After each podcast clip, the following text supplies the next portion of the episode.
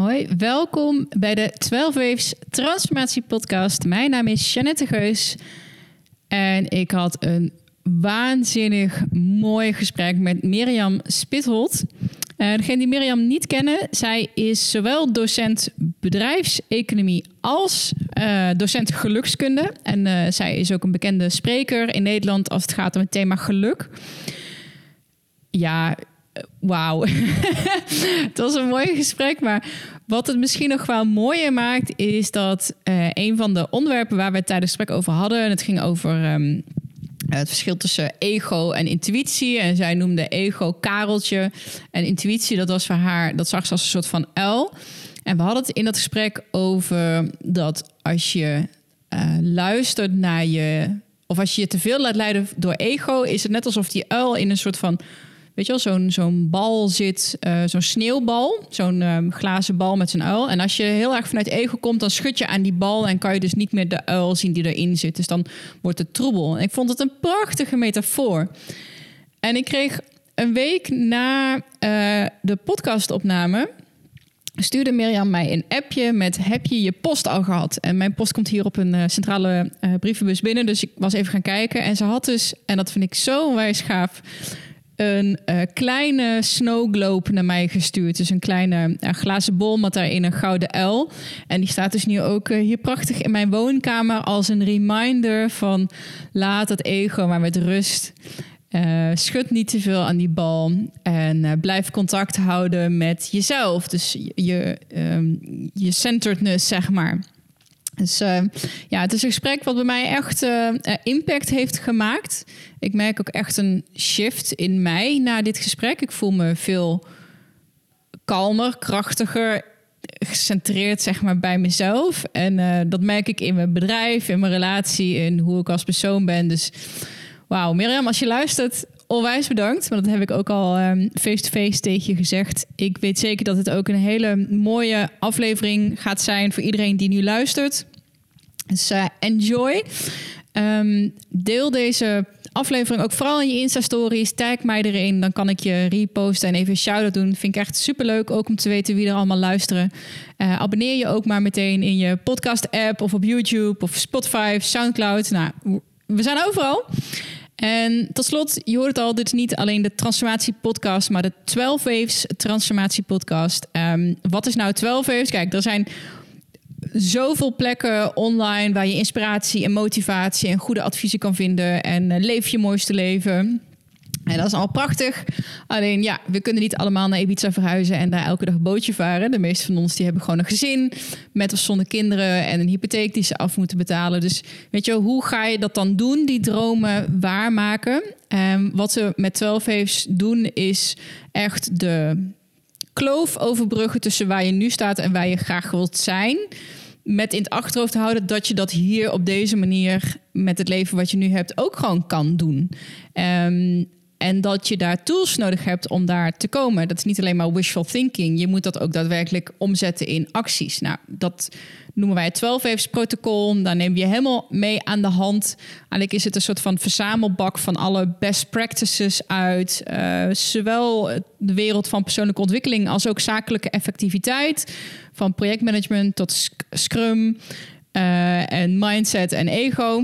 Alles bij elkaar om jou ja, dan toch die grote wens, die grote droom waar te laten maken. Dus neem een kijkje. Uh, www.12-waves.nl of stuur mij een berichtje als je interesse hebt in een van de dingen die we aanbieden. Een online training bijvoorbeeld of een van de mastermind chapters in Nederland die, uh, die elk jaar weer van start gaan. Dat gezegd hebben en wens ik je heel veel plezier met deze prachtige aflevering met Mirjam Spitholt. En ik zie je heel graag volgende week weer.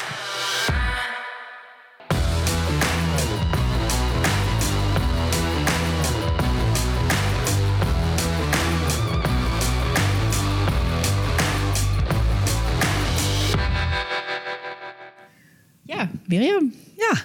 Wat leuk. Je bent mijn eerste podcast van 2019. Helemaal goed. Eentje waar ik ook ontzettend naar uitgekeken heb. Um, ja, wil je jezelf eventjes voorstellen voor de mensen die uh, niet weten wie er niet tegenover mij zit? Ja, uh, nou, ik ben Mirjam en uh, Mirjam Spittold. En ik ben op Saxion docent. in, en ik ik, behalve dat ik over geluk uh, met de studenten filosofeer en spreek, uh, heb ik een achtergrond als econoom. Dus ik geef ook nog een beetje financial vakken. En dan ben ik eigenlijk een vermomde uh, gelukskundige. Want ik probeer bij leerlingen het licht weer aan te doen, laat maar zeggen. Dus ik probeer ze eraan te herinneren dat alles wat ze zoeken in zichzelf zit. En uh, dus daar hou ik heel erg van. En uh, daarnaast mag ik heel veel in bedrijven, bij gemeenten, bij ziekenhuizen, bij andere instellingen spreken over geluk. En dan doe ik een beetje aan infotainment. Dat is eigenlijk entertainment met een boodschap. Dus uh, ik probeer mensen dan uh, even onder te dompelen in die wereld van liefde en geluk. Ze naar huis te brengen, naar de plek waar liefde en geluk woont. En dat doe ik met grappen, maar dat doe ik ook door uh, nou ja, zeer, mezelf zeer open op te stellen en te vertellen hoe ik het in theorie allemaal perfect beheerst, maar in de praktijk uh, het ook lang niet altijd kan. En dat raakt mensen aan en dan herinneren ze zich, oeh, zo zit het. En dan hoop ik dat er iets aangeraakt wordt waardoor ze weer sneller naar huis kunnen.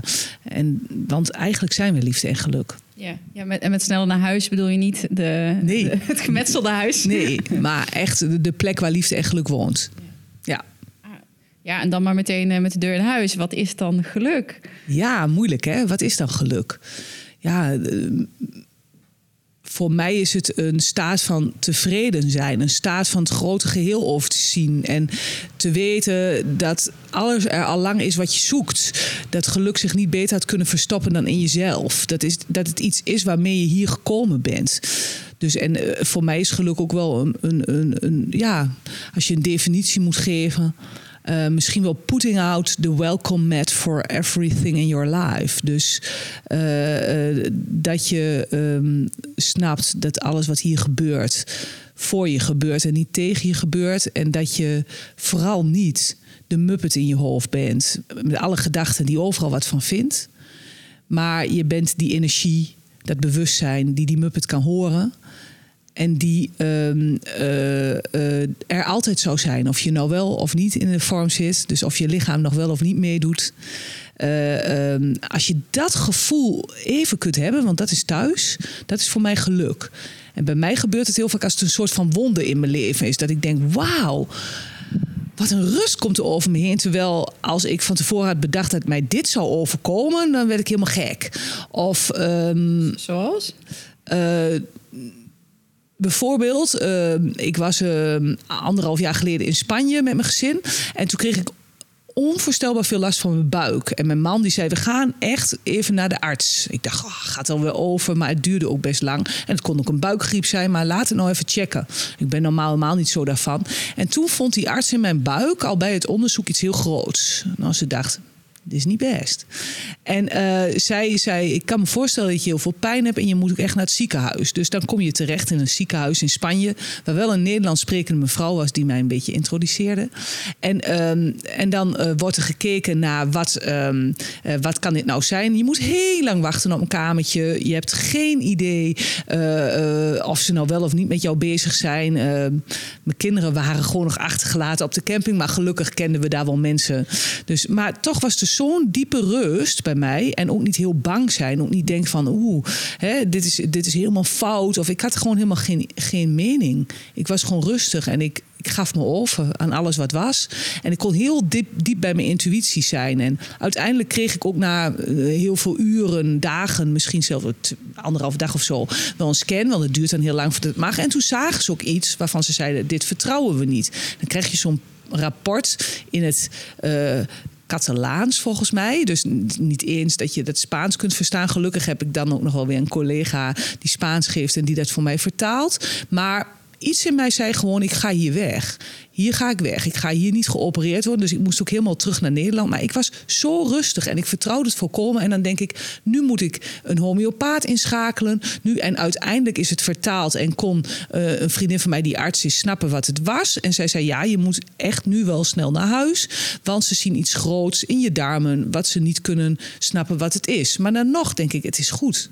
en dan dat, dat je, en, en of, of het is slecht, maar ik omarmde het moment heel erg. Dus dat je in het oog van de orkaan kunt staan. Dat vind ik dan zo'n soort wonder. Dat je niet gek wordt in je hoofd. Want als je mij van tevoren dit scenario schetst, word ik heel bang. En denk ik, dit kan ik niet aan. Ik word dus heel vaak bang van dingen die ik misschien wel ooit zou tegenkomen. En dan denk dat ik het niet kan. En als je dan soms in een situatie zit, zeg niet dat ik, niet al, dat ik altijd de rust zelf ben. Dat ik dit altijd kan. Maar als het je dan overkomt dat die rust je overvallen wordt. En dat je diep in verbinding met je intuïtie bent en weet. Uh, het, het is helemaal goed zoals het is. Ja, dat vind ik wel een heel mooi wonder. Dat je dus niet in angst, maar in liefde kijkt. Dat je denkt, nou, dit is misschien ook om iets te leren.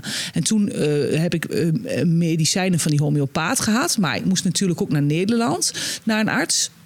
En daar kon ik redelijk snel terecht. Nou, die mevrouw was ook verontrust. Ze zei, ja, ik, ik voel iets en ik weet niet wat het is. En, wat ik hier zie op die uh, MRI, nou, ik weet het niet. we moeten ook nog weer hier in Nederland iets laten maken. Want ze konden het bij mij niet zo heel goed zien. Ik ben altijd aan het lijnen. Ik was toen bijna op mijn geboortegewicht. en uh, en, uh, en uh, omdat er zo weinig vet bij mijn organen zat, konden ze het niet goed zien. Nou ja, ik mocht zogenaamd binnen tien dagen een scan. Maar wat gebeurde? De scan ging stuk. Dus het scanapparaat, dat, dat was stuk in Enschede en het werd uitgesteld. Nou ja, eerst wil mijn ego dan gaan regelen dat ik nog sneller met de scan aan de beurt ben. Want ik wil nu wel even weten. En dan gaat hij ook wel weer even tekeer. Maar ondertussen zei ik elke keer tegen mijn man: Het is wel allemaal goed. Dat weet ik zeker. Ik ben oké. Nou ja, en uh, toen uh, uh, ging die, die scan dus uh, veel later dan gepland.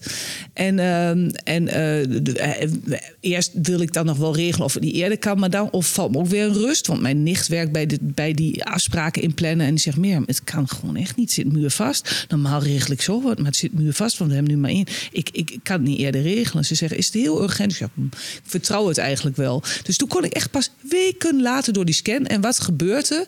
Het blijkt dat dat ding wat daar zat, het blijkt een kieste te zijn in mijn darmen. Dat komt bijna nooit voor. Kiestes komen wel bij je eierstokken voor of zo, maar niet bij je darmen. En, um, en het blijkt zo geschrompen te zijn, dus zoveel kleiner. En ik denk dan weer, dat heb ik met die homeopathische medicijnen gerealiseerd dus en, uh, maar of het nou zo is, ja of nee, misschien in mijn denkgeest het wel gerealiseerd. Maar dan zie ik ineens wel hoeveel wonderen er zijn. en als je in de frequentie liefde zit, dit betekent niet dat iemand die uh, wel bang is dat hij fout is. Of dat betekent niet dat iemand die op homeopathische medicijnen niet reageert, niet oké is. Nee, maar het, eh, het, betekent voor mij dat je zo onmetelijk hier afgestemd bent op het grotere geheel. En veel meer kunt met je denkgeest dan dat je voor mogelijk had gehouden. Maar soms ben ik dat ook kwijt, dat je dat kunt. Maar in zo'n geval, en ineens, dat komt misschien ook wel doordat het vakantie is, doordat je in een rusttoestand verkeert, doordat je toch beter kunt connecten met het grotere geheel. En uh, uiteindelijk zei die arts nog tegen mij, maar als het bij mij in mijn buik zat, dan moest het eruit. En toen zei ik, eh, dat is een hele jonge uh, mooie arts. En toen zei ik, heb je dat ook overlegd met andere mensen? Hè? Want je zit waarschijnlijk ook in een team. Als ze zeggen, ik heb dit nog nooit gezien op die plek. Het moet eruit. Ook al is het nu kleiner, het moet eruit.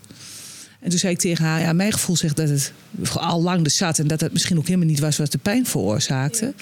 Dus uh, uh, mijn gevoel zegt dat het er helemaal niet uit hoeft. Maar wil je het eens overleggen met je collega's? Want ik ga ook niet de gewone medische wereld dan helemaal voorbij of zo. Hè? Ik ben ook nog wel iemand die denkt, ja, ik heb er niet zo voor gestudeerd als die mensen.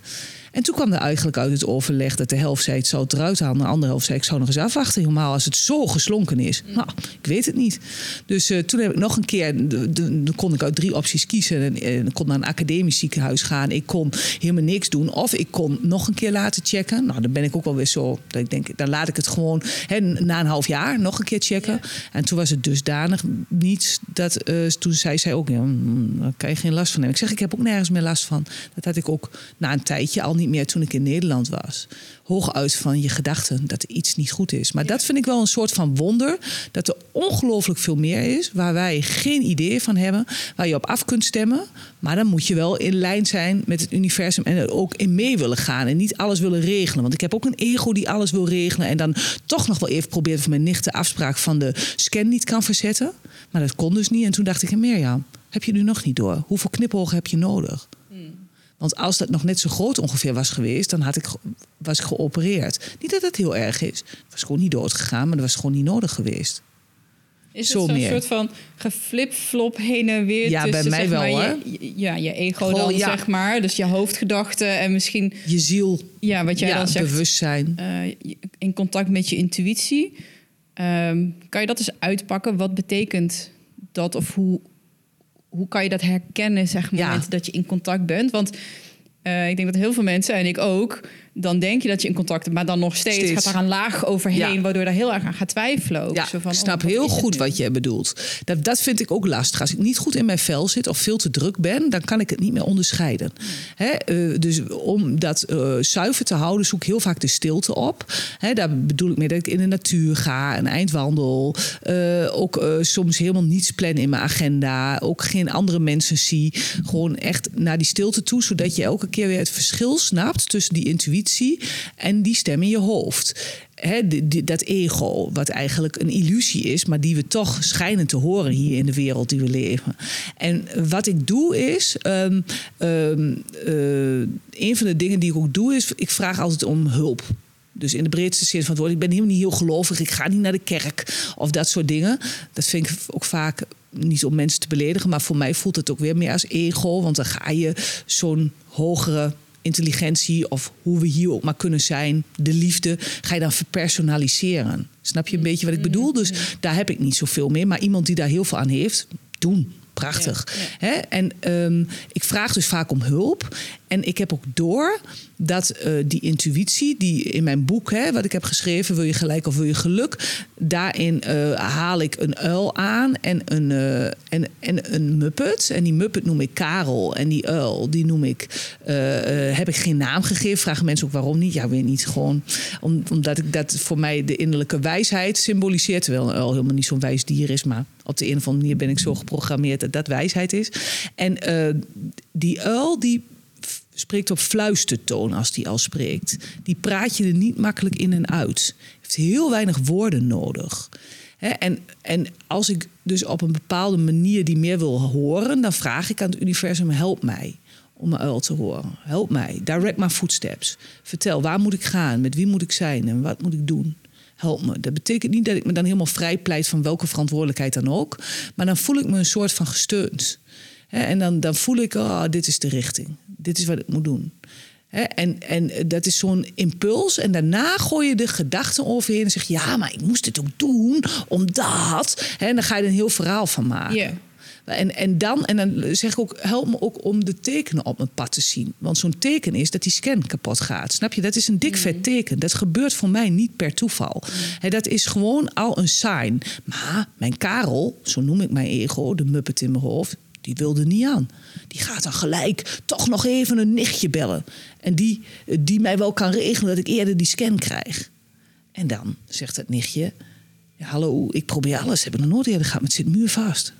Dus dat is ook weer zo'n teken. Ja. En dan denk ik, hé, hoeveel tekens wil je nog hebben, Mirjam? Hoeveel tekens heb jij nog nodig om toch weer die karel aan de gang te zetten? Hmm. Dus zo probeer ik eigenlijk eh, de guidance te krijgen. En dat lukt ook als je eh, maar eh, diep van binnen durft te luisteren naar die fluisterstem. Want soms zegt hij ook dingen waar het ego het helemaal niet mee eens is en er niets van gelooft. Omdat het niet veilig is of zo, hè? Dus, Kun je daar ook een voorbeeld van, van geven? Want we denken vaak hè, dat, dat, dat het het al goede positieve is. en, en Ja. mooie adviezen eh, zijn. Nou, misschien eh, zegt mijn fluisterstem nu ook wel meer en meer tegen mij. Eh, want ik word best wel vaak gevraagd hè, om te spreken in het openbaar. En een van de lessen die ik volgens mij hier te leren heb in het universum is dat ik minder ga pleasen. En dat ik meer naar de liefde voor mezelf toe ga.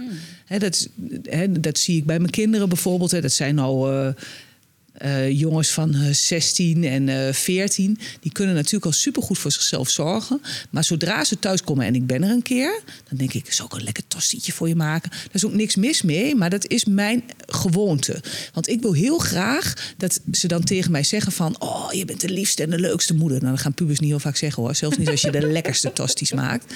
Hè? En, en, en dat is maar een klein voorbeeld, maar zo heb ik dat in mijn hele leven. Dat ik heel graag mensen uh, wil pleasen. En dat heeft vaak te maken met dat jij niet voldoende zelfliefde hebt. Dus dat jij wil horen dat iemand zegt: Oh, Mirjam, wat ben jij bijzonder. Mm. Wat ben jij goed. Wat ben jij fantastisch. En die toverspreuk werkt heel even voor het ego. Maar dat is een soort hoererij, zeg ik altijd. Want uiteindelijk haal je iets van buiten naar binnen wat je in jezelf zoekt. Hè? En, uh, en, en, en dat is een van de lessen. Dat, dat wordt elke keer weer mij voorgespiegeld om in liefde soms ook nee te zeggen. Nou ja, en een van die dingen is dan dat ik nu zoveel aanvragen krijg dat je niet meer over een jaar tegen kunt zeggen. Ja. En dat ik nu uh, het voor het geld ook sowieso niet hoeft te doen. Dat mijn ego ook al snapt dat schaarste een illusie is op dit moment. Mm. dus, eh, maar de schaarste in tijd vindt hij nog wel. Mm. Maar ja, dat is ook een illusie, want er is helemaal geen tijd. En dan gaat hij mij dan zeggen, maak eens keuzes. Maar het allerbelangrijkste is om dan de eerste impuls te volgen die je krijgt bij een opdracht. En dat is soms een nee. En dan ook al gaan ze zeggen dat je heel veel geld krijgt, was het toch nog een nee. Omdat er iets in de toon van de mail is. Of gewoon omdat je niet weet waarom. en uh, dat kan dus negatief zijn als je nee zegt, eigenlijk voor die andere partij. Dus daarmee bedoel ik dat je niet overal ja. Het kan ook een echte nee zijn of een echte ja zijn. en, uh, en daaraan durven uh, gehoor te geven. Maar dat vind ik ook nog heel moeilijk. En wat mijn ego dan soms ook nog weer doet, die gaat het aan mijn man vragen. Die gaat het aan mijn assistenten vragen. Wat vind jij nou eigenlijk? En die kijken mij aan en die zeggen: nee, naar jou toe, naar binnen want je kan ook best wel vijf of zes of acht opdrachten in een week doen. Als je daar in de flow zit en heel veel energie van krijgt. Maar ik merk wel dat als ik alleen maar geef, dat ik niet meer kan nemen. En dat de diepere laag in de boodschap verdwijnt. Snap je wat ik bedoel? Mm. dus ik heb ook die ruimte nodig om uh, zelf uh, in contact te blijven met mezelf. en, en, maar dat is, is een spel wat je speelt elke keer. Dus soms, wat er nu gebeurt, is dat er heel veel op mijn pad wordt gestuurd. En dat ik uh, in het elke keer weer gecenterd moet blijven en voelen wat het is, een ja of een nee. Ja. Het ego denkt in schaarste. Die wil elke keer ja zeggen. Want die denkt, ja, misschien... Er zijn ook echt mensen, ook veel op mijn pad, die zeggen... ja, je moet nu wel een keer een ander verhaal gaan bedenken. Want uh, anders word je niet meer gevraagd. Je hebt alle grote podia in Nederland al bijna gehad. Weet je wel, zo gaan ze denken. Dat is ook allemaal schaars te denken. Maar die mensen, die feedback, krijg ik niet voor niets op mijn pad. Omdat er iets in mij zit die misschien wel denkt dat dat zo is. Maar ik kan je vertellen dat iedere sessie die ik heb uniek is dat de boodschap misschien wel hetzelfde is, maar dat is een universele boodschap. Die moet verteld. Ja. Maar dat de verpakking iedere keer uniek en anders is. Ja. Daar ben ik nou eenmaal creatief in. En dat de, uh, dus de verdieping in de verpakking uh, ook kan groeien en groeien, doordat je zelf als mens blijft groeien. Ja. En, en mensen denken misschien ook, nou, die heb ik één keer gehoord, dat hoeft niet meer. Maar uh, als jij aangetrokken voelt door dit, door te snappen dat je niet je gedachten bent, niet je lijf bent, niet bent wat je doet, maar dat er een andere dimensie is. Als je daarvan houdt, dan is het ongelooflijk mooi om dat nog een keer en nog een keer en nog een keer te horen. Omdat er iets in ons is, als wij dit spel spelen dat leven heet, heet die er niet aan wil. Dat ego wilde helemaal niet aan. Dus hoe mooi is dat? En het hoeft niet alleen mijn boodschap te zijn. Ik luister ook constant naar alle interviews die Patrick Kikker heeft met mensen over de cursus in wonderen, over non-dualiteit. En het kan soms ook wel eens zo zijn dat ik een interview hoor wat ik al lang gehoord heb, maar waar ik enorm veel uithaal. Sterker nog, ik luister wel eens naar interviews. Bijvoorbeeld het interview dat ik bij Eindbazen heb gehad. Dat heb ik per ongeluk nog wel eens een keer, omdat het heel vaak gedeeld wordt, onder het hardlopen op mijn oren. En dan denk ik, verdomme, was de mens goed. Dus het is helemaal niet van mij. Ik krijg het door. Snap je wat ik bedoel? En dan denk ik, nou, dit was nou precies wat ik nodig had vandaag. Laatst was helemaal hilarisch, want mijn man luistert heel vaak s'nachts eh naar, naar Eindbazen, omdat hij dat eh, inspirerend vindt. En dat het een sna aanraakt bij hem, ook in zijn onderbewustzijn. Ook al denkt hij dat hij niet luistert omdat hij slaapt, die hem ergens brengt. En dat doet hij. Hè, dat vindt hij mooi. En toen had hij dus blijkbaar niet mij opgezocht, maar mij ervoor gekregen. Want hij laat heel vaak de Russische roulette draaien. Welke moet ik horen vandaag? Hè? En ook al denkt hij, eh, over voeding, dat wil ik nu helemaal niet horen. Want ik ben nu net helemaal in de kerststemming en ik wil niks weten over gezond voedsel. Hè, dan krijgt hij die en dan denkt hij, ja, dit is het toch blijkbaar vandaag voor mij. En toen had hij blijkbaar mijn interview erop. Maar dat wist ik natuurlijk ook niet. Maar ik word soms s'nachts wakker van die oortjes van hem. Dat het net iets te hard staat. Dus ik werd wakker en ik denk, wat is dit nou joh? Ben ik zo hard op aan het praten in mijn slaap? Maar hij had mij erop. dat vond ik echt zo mooi. Zo hilarisch. Want heel vaak praat je s'nachts misschien ook wel in je slaap. Maar nu was het dus de podcast die aan het praten was. Ik, ik heb me kapot gelachen. Ik denk, oh, wat is dit ook weer een grappige knipoog van het universum. En, en misschien was het ook wel een uitnodiging aan mij. Luister hem nog eens, want eh, je bent heel veel dingen vergeten die je gezegd hebt. Die doe je helemaal niet meer. Dat vind ik zo frappant aan het hele pad.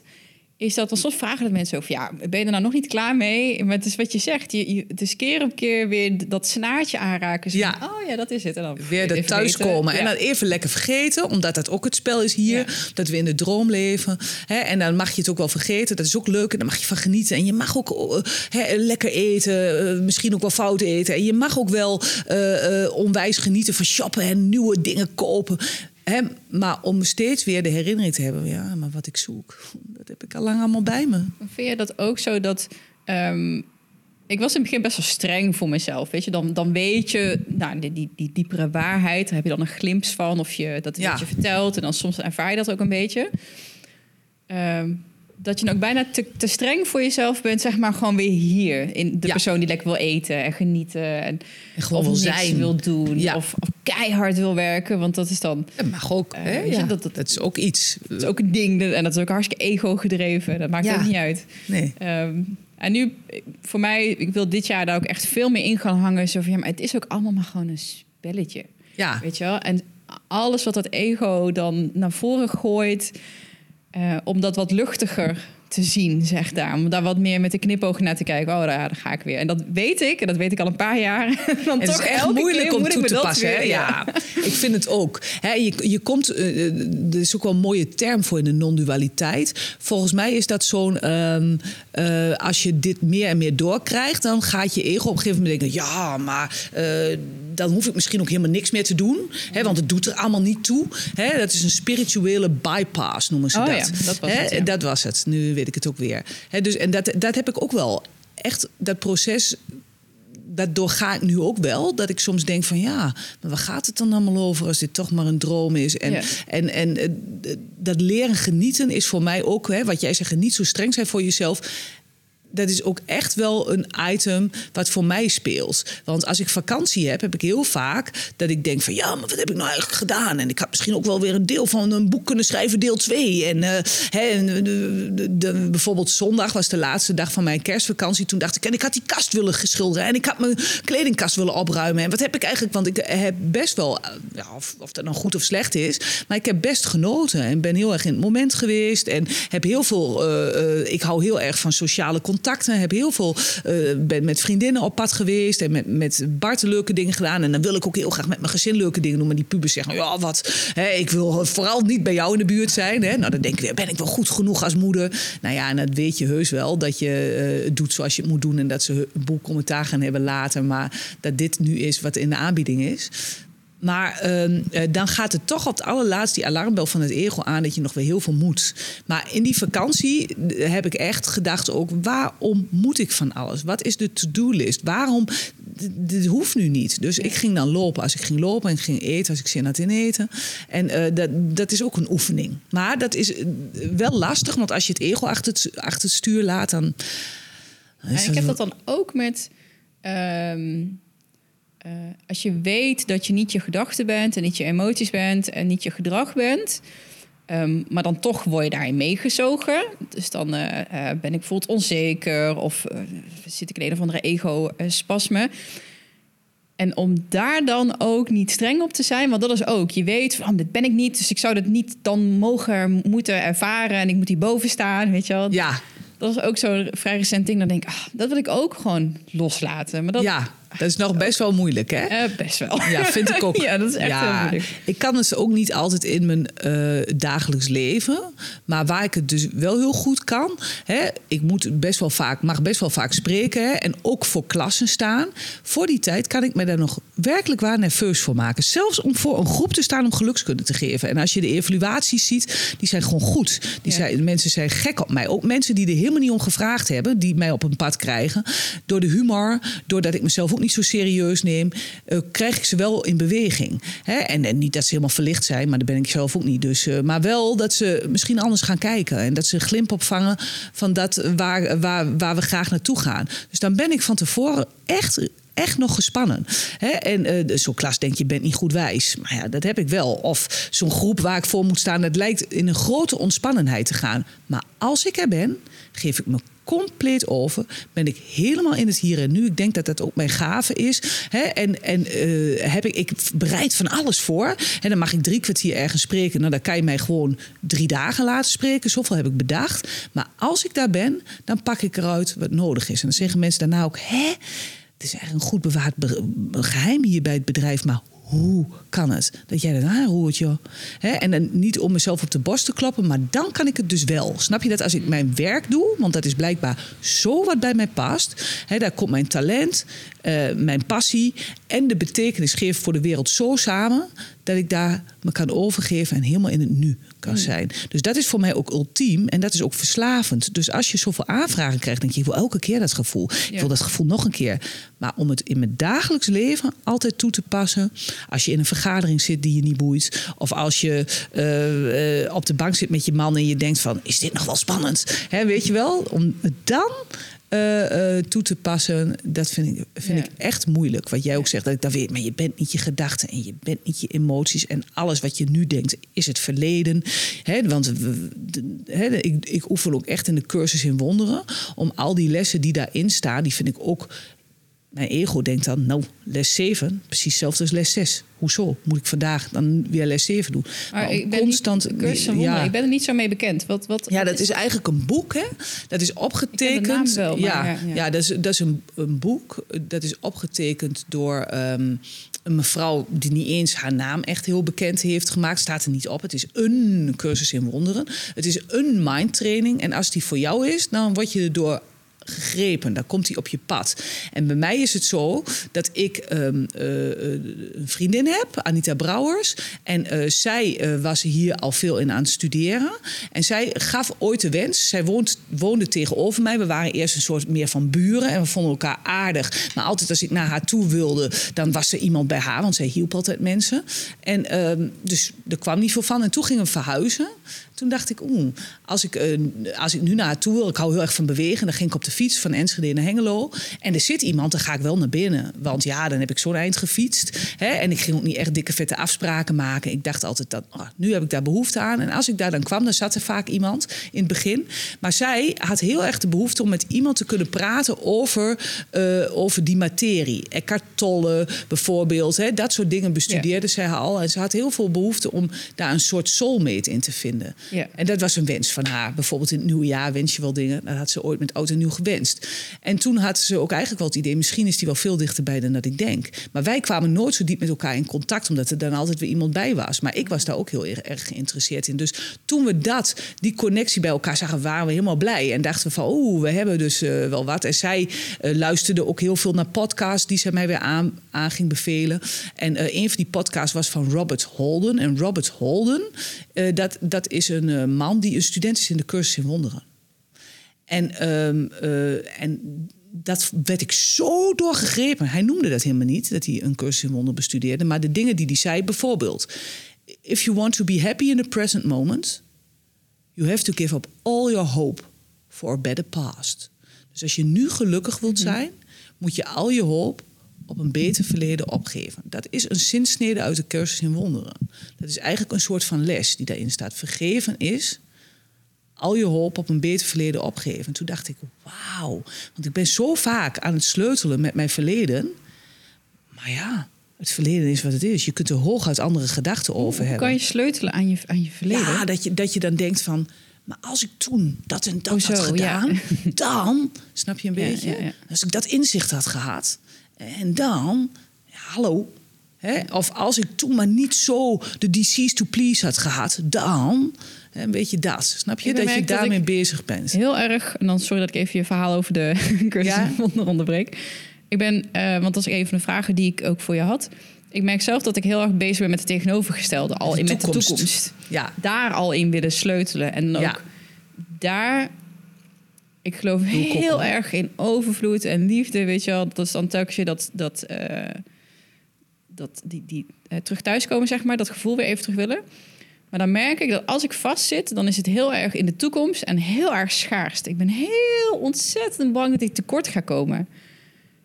Ja. En dat is vrij recent dat ik echt denk, ja, maar het is echt in dat idee van ik ga tekort komen. En het is in de toekomst. Ja. En dan weet ik ook, maar dit is de toekomst, dit zijn gedachten. Je weet, eh, Het niet. het is nooit zoals je het in je hoofd Nee. bedenkt. En dan nog kan je daar helemaal in een soort van... Oh, door verschrikkelijk. opgezogen worden. Ja, Ja, ja, ja. Het ego heeft allemaal trucs. Hè? Een truc kan zijn dat je heel veel dat verleden wilt veranderen. En een andere truc kan bijvoorbeeld zijn dat je heel erg met die toekomst bezig gaat. Maar het ego eh, is nooit in het nu. ja. Als je namelijk echt in het hier en nu kunt zijn, zoals wij nu zijn met elkaar, is er geen enkel probleem. En dus zou eigenlijk, zou, als je die zinsnede om zou... Volgens mij is het net zo toepasbaar dat je een hoop voor een betere toekomst Ja, ook op, op, op wil geven. Ja, ja, ja. ja. ja. en, en, en mijn advies daarbij is ook van ga gewoon stap voor stap de dingen doen die je doet. Hè? En eh, dat wat je zoekt, dat ligt misschien wel om de hoek op je te wachten. En als je nou, vooruit kijkt, zie je het niet, want het Ja. ligt om de hoek. Hè, die leukste vent ever, of dat beste salaris ooit. Of, hè, dus het, het, het, en, en, eh, en dan zul je ook zien dat als je eh, ehm, eh, dat allemaal hebt, dat er nog steeds voor het ego schaarste wordt gevoeld. Ja. Want dat is een, een truc waarmee die denkt: zo hou ik jou scherp. Ja. Zo ga jij niet inkakken. Zo gaat het jou niet misgaan dat die vent ineens wegloopt. Of zo gaat het jou niet mis dat die bankrekening toch ineens helemaal slinkt. Ja. Dat doet hij. Op die manier wil hij je scherp houden. Maar het is allemaal een illusie. En de hel die je beleeft is de hel van dit moment al bang zijn voor die schaarste die misschien wel nooit gaat komen. Ja. Dus sommige mensen denken, als ik sterf, dan kom ik in de hemel of in de hel. Nee, de hemel en de hel zijn hier op aarde, doordat je je gedachten gelooft. Ja. En, het- en ik vind dat jij al heel ver bent, doordat jij snapt eh, eh, eh, dat jij veel verkeert met jouw gedachten in de toekomst. Dus jij hebt dat bewustzijn al. Hè? De- dat is al heel ver. Dat is al deel van het ontwaken. Hè? En, en je hebt ook momenten dat je helemaal in de flow bent in het nu en dat je ervaart, ja, en er is niets aan de hand. Ja. Er is nu helemaal niets aan de Ja. hand. Dus en, en om nu helemaal te zeggen, het moet weg. Nee, maar je kan je mind wel trainen. En dat doet een cursus in wonderen. Dat je traint dat alles wat je ziet, bijvoorbeeld dit kopje...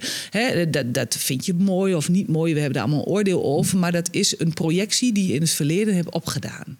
Ja, dus eh, de- de- de- we zien niet meer echt. En een klein kind kan bijvoorbeeld hè, voor het eerst een eik zien en helemaal verwonderd zijn. En daarna kijken alsof hij een groot wonder hier op aarde ziet. En compleet opgezogen wordt door de immensheid van de natuur. Dat kunnen wij heel vaak niet meer. Ik heb een, eh, een, een private challenge. Nu is die dus niet meer privé, maar ik ga hem vertellen. ik heb een, eh, een eh, vriendin van mij, een bijzondere persoon in mijn leven. We zijn met dit thema bezig.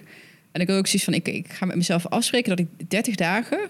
gewoon niet vanuit dat tekortkomingsperspectief... Ik heb dat, in mijn hoofd is dat even mijn, mijn Yvonne. Ik heb dat een naam gegeven Goeie. dat ik vanuit... Want dat is een meisje dat mij vroeger gepest heeft. Dat was de grootste bitch die ik in mijn leven had.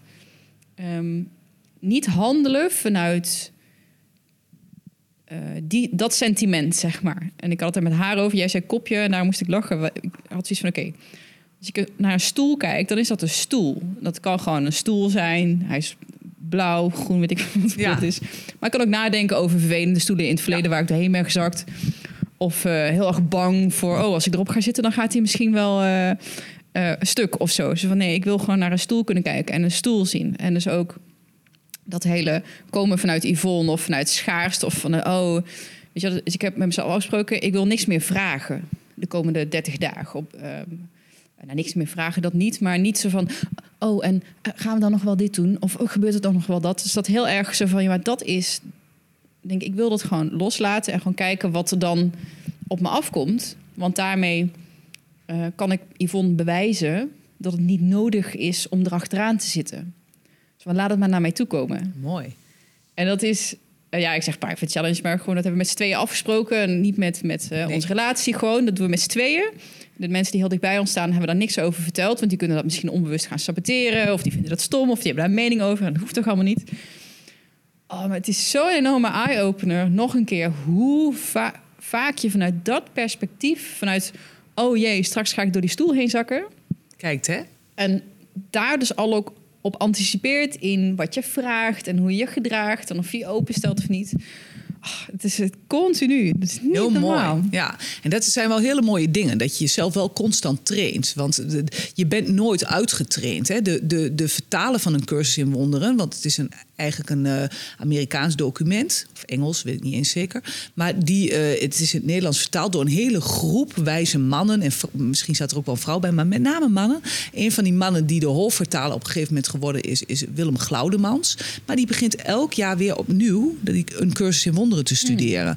En ik heb dat boek ook al best lang geleden gekregen hè, in mijn bezit. Maar ik had heel veel weerstand. Want er komt het woord God, er komt het woord Jezus, er Ja, komt dat het woord Heer- wonderen, die heb ik ook. ja, Oh. eh, eh, het woord Heilige Geest. Maar het, wordt, het is echt bedoeld in overdrachtelijke zin. Maar wij hebben ook het woord wonderen een betekenis gegeven. Snap je dat? Jij ja. krijgt daar... Oh, je denkt, oh, daar word ik koud van. Hè? En, eh, terwijl dat voor mij dat geen lading heeft. Maar het woord God heeft voor mij wel een lading. Want dan denk ik aan de kerk. Snap je dat? En dan denk ik aan moeten. En dan denk ik aan mensen die... eh, eh, ehm, eh, doen alsof ze heilig zijn, maar ze zijn het ook niet. Maar ik ben ook niet heilig hoor. Maar, eh, dus, maar dat is belachelijk, want het is ook weer de betekenis die ik eraan geef. Ja. Hè? En, eh, en, en dat, dat elke keer weer trainen, want wat jij nu doet is eigenlijk gewoon je eigen cursus Ja. doen. En we dat is doen perfect. elke avond appen we naar elkaar. Dus oké, Ja. dag 6, check. Dit was even moeilijk. Dat hebben we met elkaar afgesproken. Ja, dit was het zou moeilijk. heel mooi, mooi zijn om dat dan ook niet meer te hoeven delen met de buitenwereld. Hoe, hoe hard je hebt gewerkt. Want dat is ook weer Yvonne in stand houden. Want Ja. dan is Yvonne...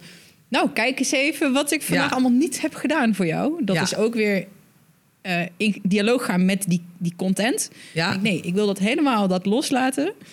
Nou, dat willen, daar kan je Goed. misschien ook wel iets van Ja, vinden. Maar, weer. goed. Maar dit- voor jou is dat een training. Ja, En, waar jij van denkt, dat, dat, Ja. dat, dat, dat gaat mij helpen. nog even met elkaar. Zo van, oké, dat is een soort van laatste tussenstapje nog. Hebben we nog die bevestiging naar elkaar. Dat is ook wel fijn. Dan hoor ik ook eh, waar zij mee zit. En dan hoort Ja, ik dan krijg je gelijk hele diepgaande contacten. Hè? Ja, ja. Gaat het echt ergens over? Ja. Ja, en het, het is allemaal... elke dag komt het weer Ja. gewoon terug. Elke dag weer zit je weer in dat perspectief. oh, Ja, als het maar goed gaat. Als het maar...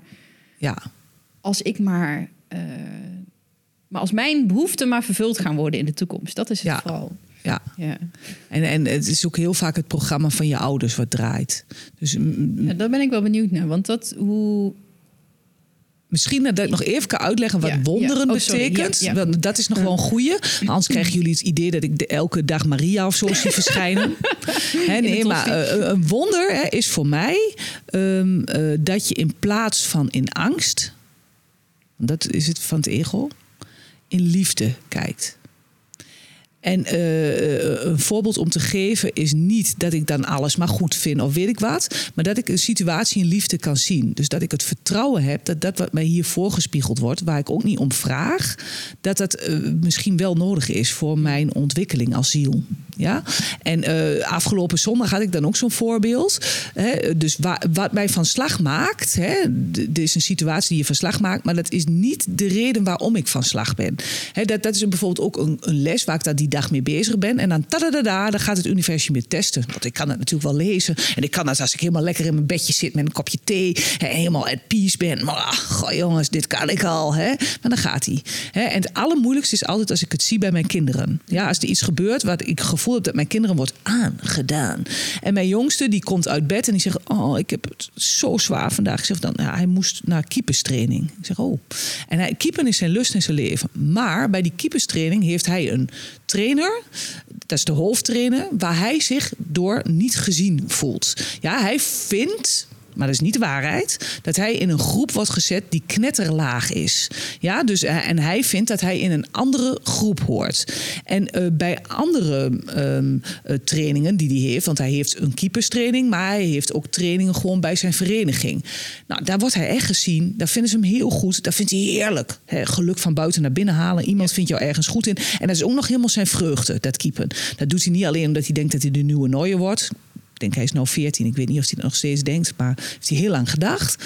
He, maar hij doet het ook omdat hij daar zoveel vrucht aan ontleent. Dat bewegen vindt hij lekker, daar is hij goed in. Dat, he, dat, daar wil hij zich in ontwikkelen. Sporten, dat brengt hem in het nu. Net zoals voor mij mijn favoriete plek is bijvoorbeeld op een podium.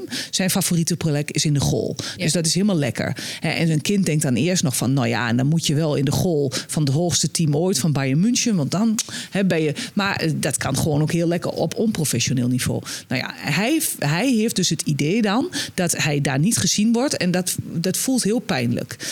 Op de een of andere manier heb is ik. Is daar ook echt bewust van? Of is dat de analyse zeg maar, die jij daarop hebt? Ja, ik, is het voor hem gewoon meer. Ik vind het niet leuk. Ja, hij is wel zich bewust van dat het komt omdat hij in een lage groep gezet wordt. Waar hij vindt dat hij niet hoort. Ja. En, uh, um, en, maar dat is ook maar een gedachte, probeer ik hem dan. Maar dat vind je wel sneu, want ik heb daar ook allerlei ideeën over. Want die meneer, dat opperhoofd, die, uh, die ziet hem ook echt niet. Maar Duke is zijn spiegel. Die meneer, dat opperhoofd, is best te zwaar. Die heeft altijd wel hoog gekiept. En hij ziet mijn kind ook als veel te zwaar. Dus jij komt nooit uh, waar je moet komen. Want hij is ook niet in het eerste gekomen van het hoogste team. Snap je wat ik bedoel? Mm -hmm. En hij ziet het als spiegel dat bij Duke ook dat de makker wordt. Hij ziet het ook echt niet in Duke. Dat kan. Ja. Dat, is, dat mag. Dat is niet fout. Dat is niet goed. Dat kan. En uh, als je dan, uh, uh, als, als ik mijn ego zou volgen, dan tekst ik hem van waarom probeer je het niet op een andere manier met mijn kind? Waarom probeer je hem niet eens in een hogere groep te zetten? Geef hem de kans, dan zul je zien dat hij misschien wel duizend keer beter keept dan ooit in de lagere groep. Dat is goed voor hem, dat is leuk voor jou. En waarom doe je dat niet? Dus dan wil ik eigenlijk op het beeldscherm dat mijn leven heet iets veranderen. Snap je dat? Ja, ja, ik wil dat het anders gaat, zodat het, uh, dat mijn kind het gevoel krijgt dat hij goed genoeg is. Maar wat is de makke? En dat probeer ik dan ook aan mijn kind uit te leggen. Je kan wel niet naar training gaan, maar welk gevoel krijg je dan? Want eigenlijk vind je trainen ook heel erg lekker en in het nu. Er is een wond in jou. Want iets in jou, ook al doet hij heel stoer, ik kan goed keepen en ik krijg heel veel complimenten en heel veel applaus. Iets in jou heeft ook het gevoel dat jij niet genoeg bent. Iets in jou heeft dat gevoel. Dat is altijd van het ego. Ik zeg, dat is jouw wond. En jij zult dan altijd mensen aantrekken die zout strooien in die wond. En dan kan je het zout wel weghalen. Maar het allermooiste is als je je eigen wond hield. Dat je goed genoeg bent. Ook als je in de lage groep zit. En dat je plezier kunt hebben. Ook als je in de groep zit. Want wat is hoog? Wat is laag? Dat is ook maar subjectief. Dat is heel moeilijk om aan een jongen van 14 uit te leggen. En ik zei ook tegen hem van... En je hoeft niet. Je mag naar training. Van mij hoef je daar helemaal niet naartoe. En toen was hij uit bed. Hij deed zijn keeperskleren aan. Hij deed zijn handschoenen aan. De helft van de jongens waar hij enorm dol op is, was hij niet omdat hij andere dingen had. Hij was er alleen en hij kwam terug en ik zeg: Hoe was het? Hij heeft ook niet over een hoge of lage groep gehad. Maar volgens mij zat hij wel voor zijn gevoel, zijn ego, zat in de te lage groep. Maar hij zei: Ik had de leukste keeperstraining ever. De trainer, dus de jongen die hem trainde, die zag hem wel in dat groepje wat vrij laag is voor zijn gevoel. Maar misschien hoort hij daar wel. Ik heb geen idee. Gelukkig heb ik compleet geen verstand van keepen. Dus kan ik daar ook niet zoveel van vinden. Ja. maar aan de andere kant vindt mijn ego er wel wat van. Omdat ik wel eens aan de kant sta. En dat mensen dan zeggen: wat een talent. Wat is die goed. Wat doet hij dat leuk. Denk ik niet dat hij de nieuwe nooie wordt. Maar denk wel: oh wat leuk voor hem dat hij dit kan. Ja. En dat hij beter wordt door veel te trainen. Dus het wonder is dan dat ik niet in angst kijk. En dat ik het op het scherm wil uh, uh, repareren. Maar dat ik die meneer, die gewoon in ons leven is om ons iets te leren, vergeef. Mm. En ook zie dat hij soms een beperkt blikveld heeft door alles wat hij meemaakt. Maar dat ik het in liefde zie en dat ik erop vertrouw dat dit is wat Duke moet doorgaan om wel ook de wond te helen van genoeg zijn. Ja. En zou je dan ook zelfs naar die momenten dat dat ego dan vanuit zo'n uh, schaarste uh, kijkt. Hè? Want dat, dat is gewoon wat het ego dan doet. En wat er ook altijd zal zijn. En wat ja. we volgens mij ook niet kwijt hoeven raken. daar dan met liefde naar kijken. Ja. Dat ze dan de, het ultieme Dat is het wonder zijn. ja. ja, ja. Ja, en, maar ik vergeef me dan ook al zelf dat ik... Ik heb het tekstje nog in mijn telefoon staan. Het is geen kattige tekst, hè. Het is ook een liefdevolle tekst. Maar eigenlijk wil ik iets veranderen aan de situatie. Hè? Maar dat is curlen eigenlijk. Hè? Dat je de weg helemaal glad wil maken. Dat de puk glad over het ijs glijdt. En dat je dat zo graag wil dat je kind wel gezien wordt. Ja. Het enige is... Hè, dus, en, en, maar ik vergeef mezelf dan ook dat het ego aanzet is. Terwijl ik net in de cursus in wonderen aan het studeren ben. Eigenlijk denk ik, deze les begrijp ik zo goed. Die kan ik zo goed. en dan word ik even dik vet getest. Want Ja. dit kan ik vind ik wel lastig. En misschien had ik, als ik niet zo aan het studeren was, toch het tekstje gestuurd, snap je? En dan ook. Zeg ik niet, wat ben je een dom mens? Dan denk ik, ah Mirjam, wat je zo goed weet voor een ander, als je een ander zou moeten coachen, dat kan je zelf nog niet. Maar zou het dan niet, wat je ook gedaan zou hebben, goed zijn geweest? Al had je wel Altijd. dat berichtje gestuurd. Want dat, dat, daar troost ik mezelf Ja, mee. het is altijd goed. het is altijd goed. Ja, eh, Zo, want je denkt ook van ja, eh, die, die zelfontwikkeling en mezelf verbeteren en Ja. eh, doelen stellen. En ik ben natuurlijk nou, vanuit 12 weet je natuurlijk doelen halen, productiviteit, bla bla bla.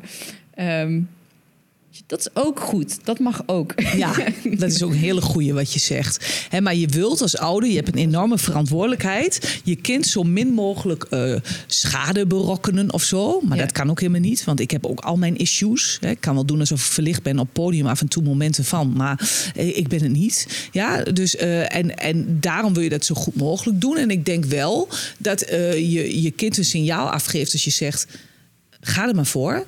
En eh, in welke groep je ook komt... het gaat alleen maar over jou Ja. dat je wel een mooie les meegeeft. Snap je? Dat ik Mm. niet ook nog weer dat wat ik zelf allemaal aan bagage in de rugzak heb, dat ik dat weer doorgeef aan mijn kind. Ik doorbreek het door eh, zelf bewuster te kijken. Op dat ja, moment. Want dan dat maak ik is meteen het even een bruggetje naar wat je net ook zei. Ja. Van dat eh, zo'n programma van je ouders. Ja, Zou dat programma ja, ja het draait zo'n soort programma eigenlijk. Hè? Want hoe, eh, hoe werkt dat? Ja, denk dat ik daar zelf ook wel kan beantwoorden. Maar hoe zie jij dat, in, hoe zoiets werkt? En hoe je dat dan ook, die keten eigenlijk ook dan weer zou kunnen stoppen? Ja. Ehm, ja, bijvoorbeeld, hè, jij had het net ook angst, schaarste en zo. dus, maar, eh, ik ja. ben bang dat in de Ja. toekomst mijn behoeften niet, eh, Niet vervuld wordt. vervuld worden. Ja. Ja. Terwijl het in het moment misschien best wel gewoon eigenlijk... al helemaal oké is. Niets aan de hand. Ja. Eten genoeg Ja. en eh, aandacht genoeg. En dakbomen alles boven goed. Net nog een leuk telefoonsprek, Ja, appje, weet je wel. Eigenlijk als je alle objectieve signalen kijkt... en toch dit zitten ze toch knaagt er iets. Ja, ja eh, ehm, eh, ook wel weer. Waar, ik van hou, is om te snappen dat dat wat je denkt, dat dat gedachten zijn, maar vooral niet de waarheid. Ehm, van je nulde tot je zesde, volgens mij, word je een soort van geprogrammeerd door alles wat je ouders hebben gezegd, maar ook wat ze niet zeiden. Ja, het is niet altijd de woorden of zo. Hè? En ik heb er altijd zo'n mooi zinnetje over. The way we talk to our children becomes their inner voice. Dus de manier waarop we tegen onze kinderen spraken, dat wordt hun brain chatter, dat wordt hun ego, dat wordt hun karel. Ja?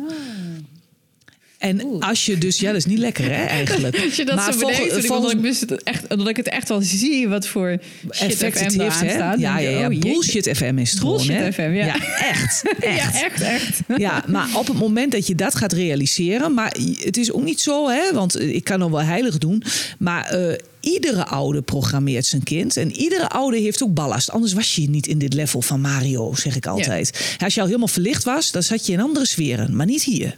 Ja, en ehm, dus we hebben allemaal dingen te leren en eh, ik denk dan dat die kinderen bij mij komen omdat ze ook bepaalde dingen willen leren. En ik heb mijn ouders ook aangetrokken. Omdat daar lessen zijn die blijkbaar nog te leren zijn. Ja. Als je zo kunt kijken, word je ook nooit kwaad op je ouders. Ja. Kun je dat ook begrijpen? Oh, Want anders eh, zou je denken, ja, ze hebben hiermee vervuild en dat. eh, Nee, dat- dat ben ik wel voorbij, hè? Ja, dat is ook vergeven, hè? Dat je ziet dat ze op dat moment eh, niet beter konden dan dat. En wat dan nog Met wel lastig is, van oké, maar wil je ze dan nog wel eh, dicht bij je houden, zeg maar? Ja, Dat ja omdat het soms heel oude wonden aanraakt. Hè? Of, of iets, ja, ja. Snap ik helemaal. En het is ook niet zo hè, dat als iemand je iets aangedaan heeft, klinkt zo zwaar, maar dat je ehm, daar dan eh, constant kopjes koffie en thee mee moet gaan drinken. Maar wel dat ze een minder prominente rol in je hoofd gaan spelen, snap je? Dat je het in liefde in je hoofd kan zien in plaats van in angst. Ja. Want liefde is eigenlijk de enige energie die hier echt is. Angst is hier de vreemdeling, zegt een cursus in wonderen. Maar de- ik heb eh, vaak genoeg dat ik echt angst ervaar, maar dat is dan een roep om liefde. Dat is eigenlijk dat je weer naar de liefde terug wil. En eh, eh, als jij snapt hè, dat dat programma dan dus constant draait, dus dat inzicht hebt, maar dat je daar niet altijd gehoor aan hoeft te geven. Hè, het is een patroon wat draait, maar naarmate je meer en meer bewustzijn hebt. Maar er zijn mensen joh, die hier nooit over nadenken. Niet fout, maar dan is het moeilijk te doorbreken. Maar jij hebt nu al allerlei bullshit FM in jouw hoofd, die je hier zo even in de podcast zou kunnen vertellen, die jij van je ouders hebt overgenomen. Ja? Maar jij weet dat. Er zijn heel veel mensen die dat niet eens weten. Ja, en als je het menselijk systeem gaat doorzien, dat dat alleen maar gedachten zijn. Dat dat niet de waarheid is. Dat je daar niet echt iets mee hoeft. Ja, maar, en, maar dan moet je het wel eerst bewust hebben hoe gedachten werken. En dat gedachten komen en gaan. Alleen waar je aan vasthoudt blijft. Ja, dus dat je daar niet op hoeft te acteren. Dat het automatische programma niet aan hoeft op dat moment, hè, als je bijvoorbeeld een waardeloos programma hebt op RTL 4, waarvan je denkt, nou vreselijk, als je dat erop hebt, denk je, oeh, heel snel eraf. En als heel veel mensen dat doen, dan wordt het programma van de zender gehaald. Dus uiteindelijk wordt het bij jou ook van de zender gehaald, dat programma van je ouders. Omdat je weet, het is niet van mij, het is van mijn ouders. En, uh, en, uh, het is heel verleidelijk, want het ego denkt: nee, dit is voor mij, dit is voor mij. Ik moet, ja. ik moet jou, Dan moet, ik moet, moet je redden of wat. Moet, ja, ja, want stel je nou toch eens voor. Ik heb het beste met je voor. Ja, en je moet echt nooit ruzie maken of weet ik allemaal wat mm. van overtuigingen. Ja, en, en uh, naarmate je er meer en meer inzicht in krijgt, uh, uh, en, en snapt dat gedachten komen en gaan. En dat er soms een nieuwe, frisse gedachte onder vandaan komt, die alles in een ander perspectief zet. Dus dat je niet overal gelijk op hoeft te reageren.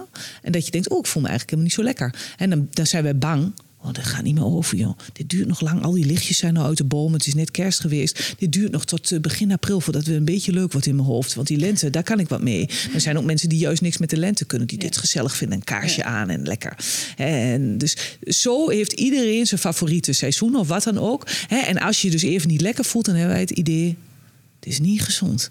Dit, dit, dit blijft misschien wel. Dit blijft misschien wel tot. Uh, en hoe kan je nog gelukskundige zijn en een beetje depressief? dat is helemaal geen combinatie. Weet je, dus. Maar als je dat, daar zoveel uh, uh, lading aan geeft, kun je dan voorstellen dat het veel langer blijft. Maar als je weet, het gaat gewoon door me heen. Het komt en gaat. En eigenlijk ben ik even vergeten wie ik in essentie ben, want het is al lang oké met mij. Happiness is now, hier. En soms zie ik het even, niet doordat er een gedachte is van mijn ouders of in de toekomst of uit het verleden die mij van slag maakt. Maar ik hoef niet bang te zijn dat dit duurt tot Sint-Juttemus. Het gaat gewoon weer over.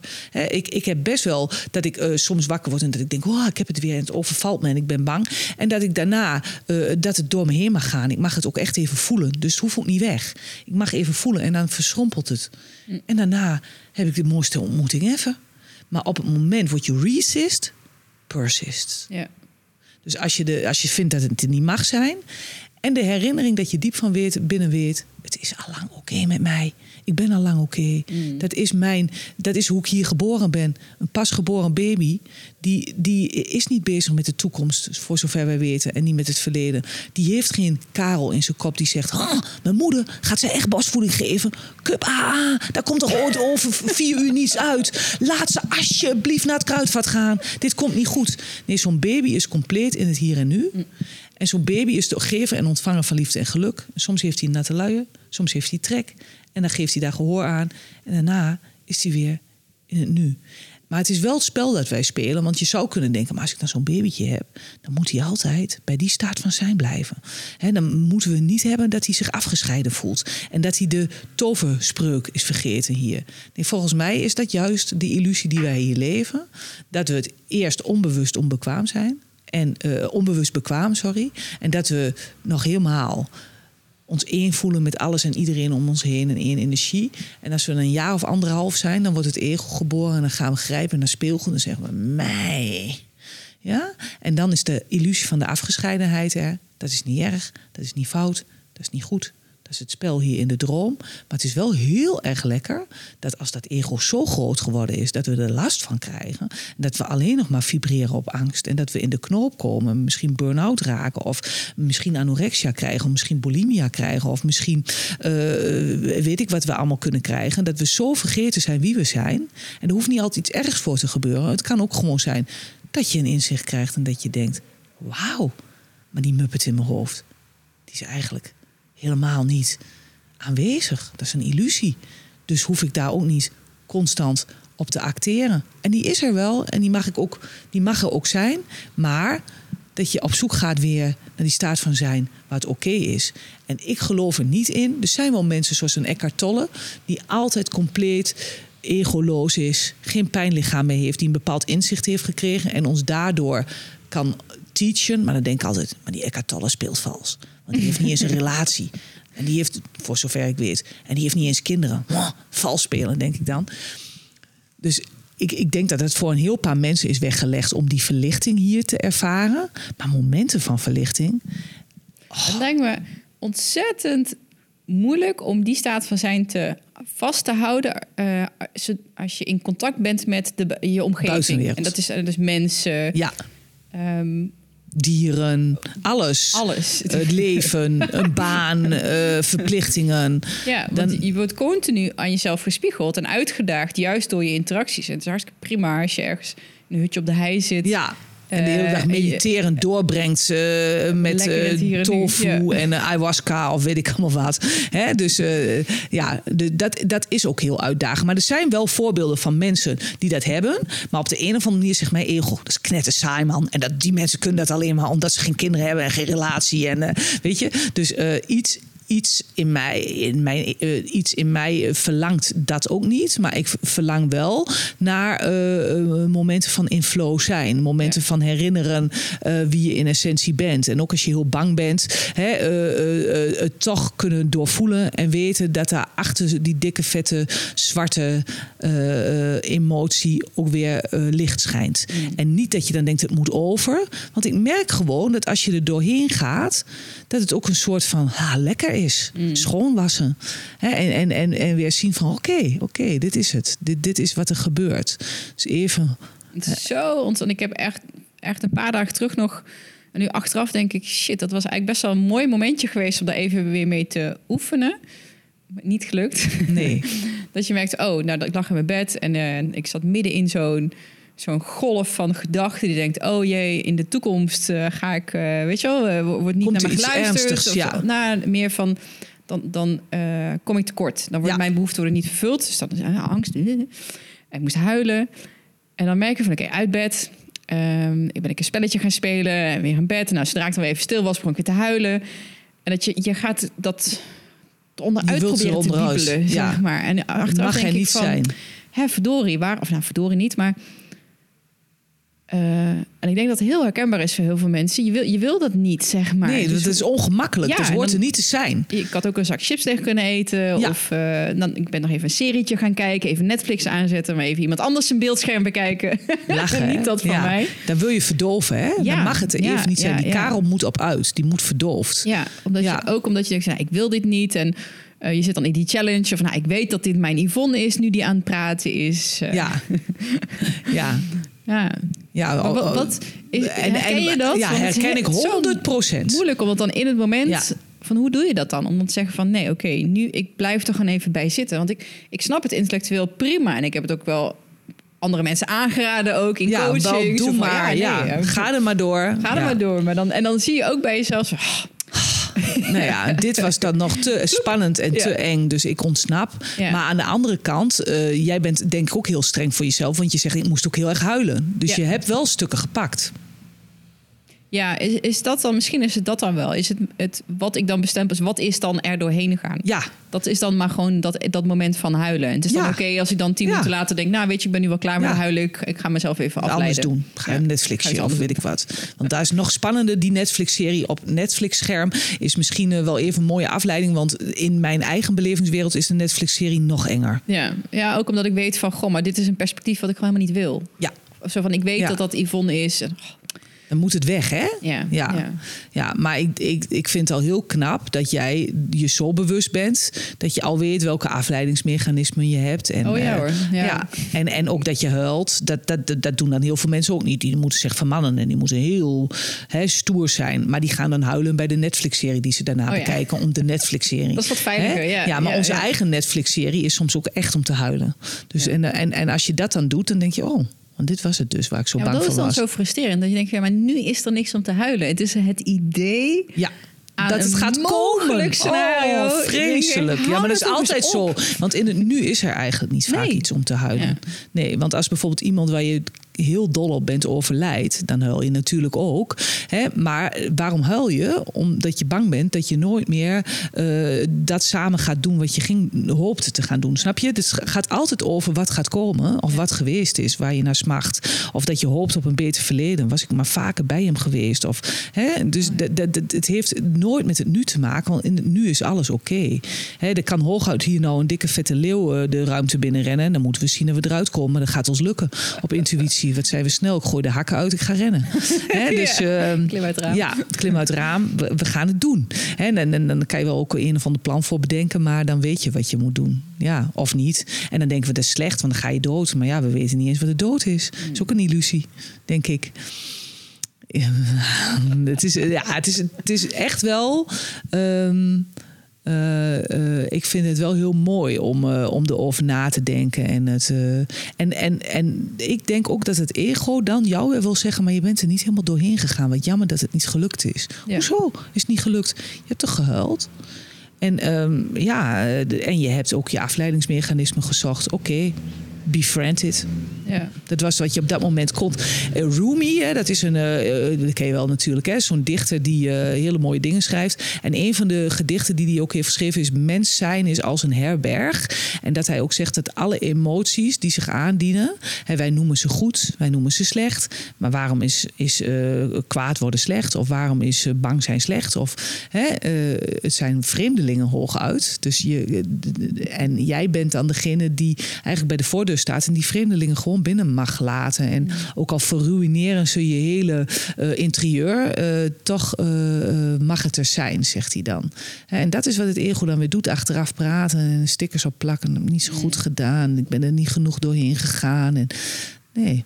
Het heeft alles te maken met bewustzijn en waarnemen zijn. En, en ook geduld hebben met jezelf. Vallen en opstaan. En ja, is echt lastig, hè?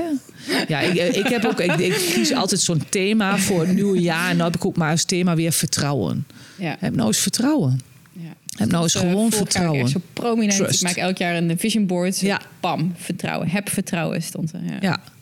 En, en als je meer en meer kan vertrouwen. De belangrijkste vraag, hè, zegt Einstein ook, die we hier- ons hier kunnen stellen, is: leven we in een vriendelijk universum?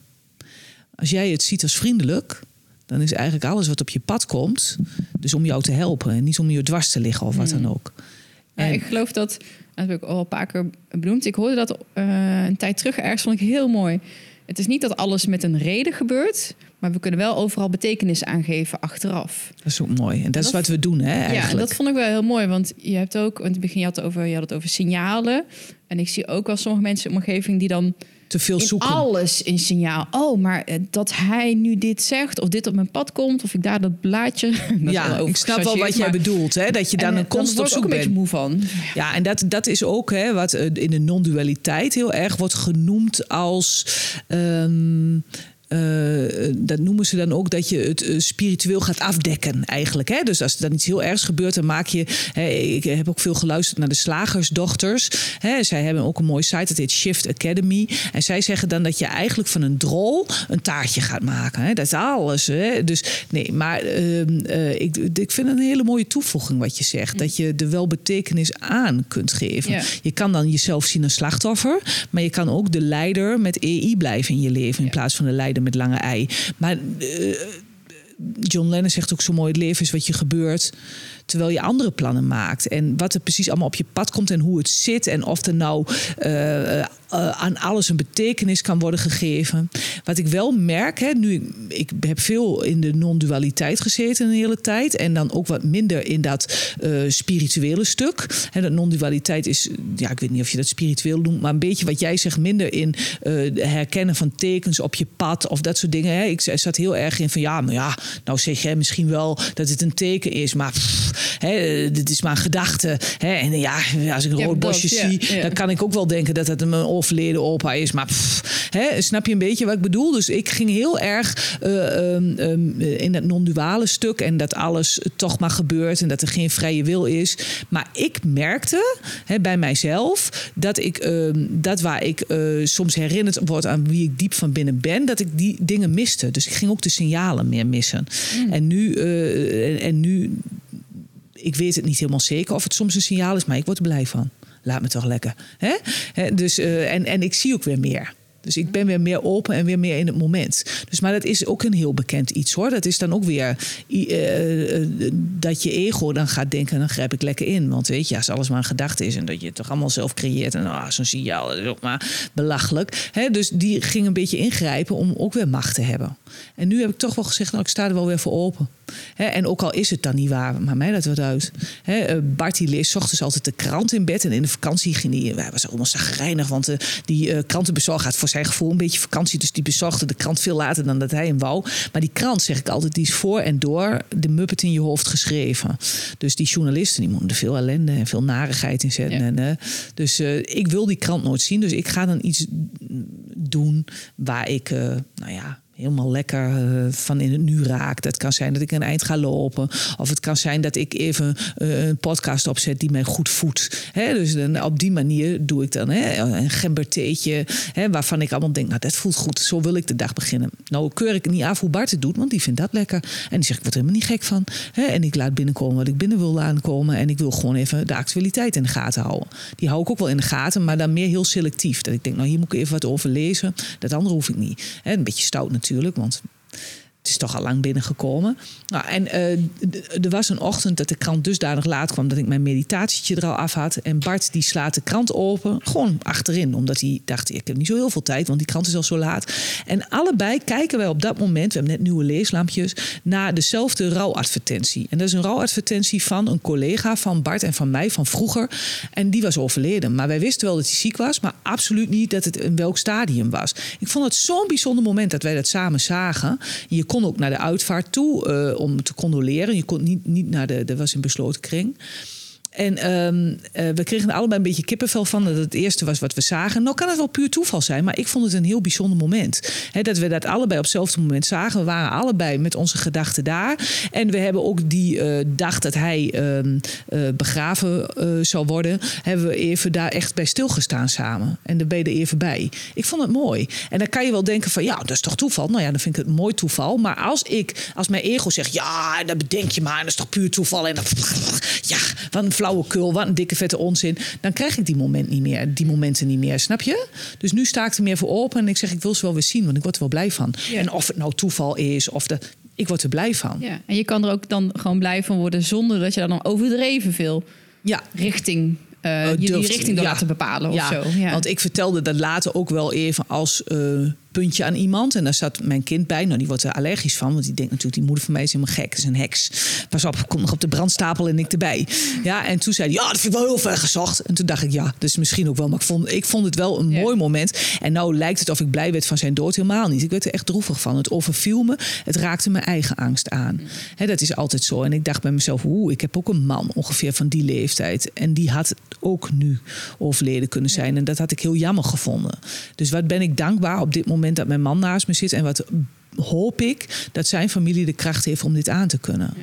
Dus het is niet alleen maar dat ik uh, voor zo'n momentje, maar meer. Ik word er ook snap, droevig van. Ik word aangeraakt. Ik word, ik word even in mijn eigen angst teruggezogen. Ik ja. denk dat die, die momentjes, die, de signaaltjes, dat het eventjes voelt alsof de wereld heel alsof je wel even in het midden van de oog van die orkaan staat, maar dan ja. op een goede manier. Op een goede, precies, heel mooi ja. gezegd. Ja. ja.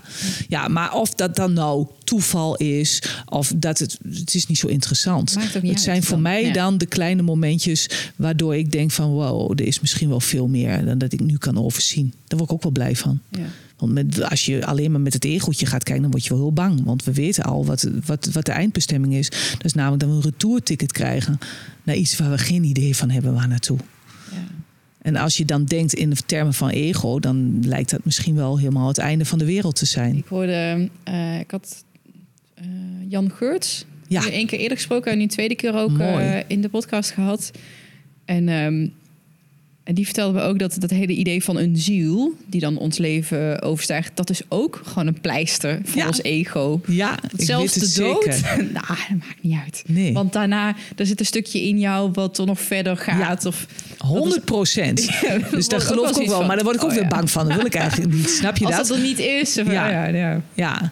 ja, en dan heeft Willem Glaudemans weer een, een boekje geschreven over de reis van de ziel en ook over de dood. En hij eh, kan het dan zo overtuigend brengen dat ik er wel een beetje rustig van word. Hmm. Maar dat is net zoals met dat je in een God gelooft of in een hemel. Ja, of zo'n maar, signaal. eh, ja. Zo van, Ja. ook maar gewoon... En ja, en, die, en die, Willem Glaudemans schijnt ook kinderen te hebben. En die hebben hem dan weer gevraagd: ja, maar papa, hoe weet je nou precies hoe die stadia's zijn als jij sterft? Want daar ben je toch niet geweest? Hè? En eh, hij zegt: dat is heel raar, maar als ik het boek schrijf, ben ik echt daar in die sferen. En soms voelt het voor mij ook zo dat ik een herinnering heb. Dat is, het is volgens mij niet een pleister waar Jan Geurts het dan over heeft. Nou, niet dat hij dat zei, maar volgens mij zeggen maar dan zeggen de mensen, dat snap ik heel goed Ja, hoor. ja. En, en dat, dat gaat mijn ego mij dan ook vertellen. Ik denk, hou er maar mee op met al die onzinverhalen die je in je hoofd hebt om je rustig te maken. Want het is alleen maar omdat je bang bent. Mm. Hè? Dus de, de- die stem heb ik ook. Eh, maar ergens diep van binnen, als ik soms dat soort mooie verhalen lees, zoals een boek van Willem Glaudemans, resoneert het bij mij ongelooflijk. Dat ik denk, ja, dit herinner ik mij ook. En eh, ik weet ook wel toen ik klein was dat ik echt het idee had dat ik veel vaker in een lijf had gezeten, maar dan een ander lijf.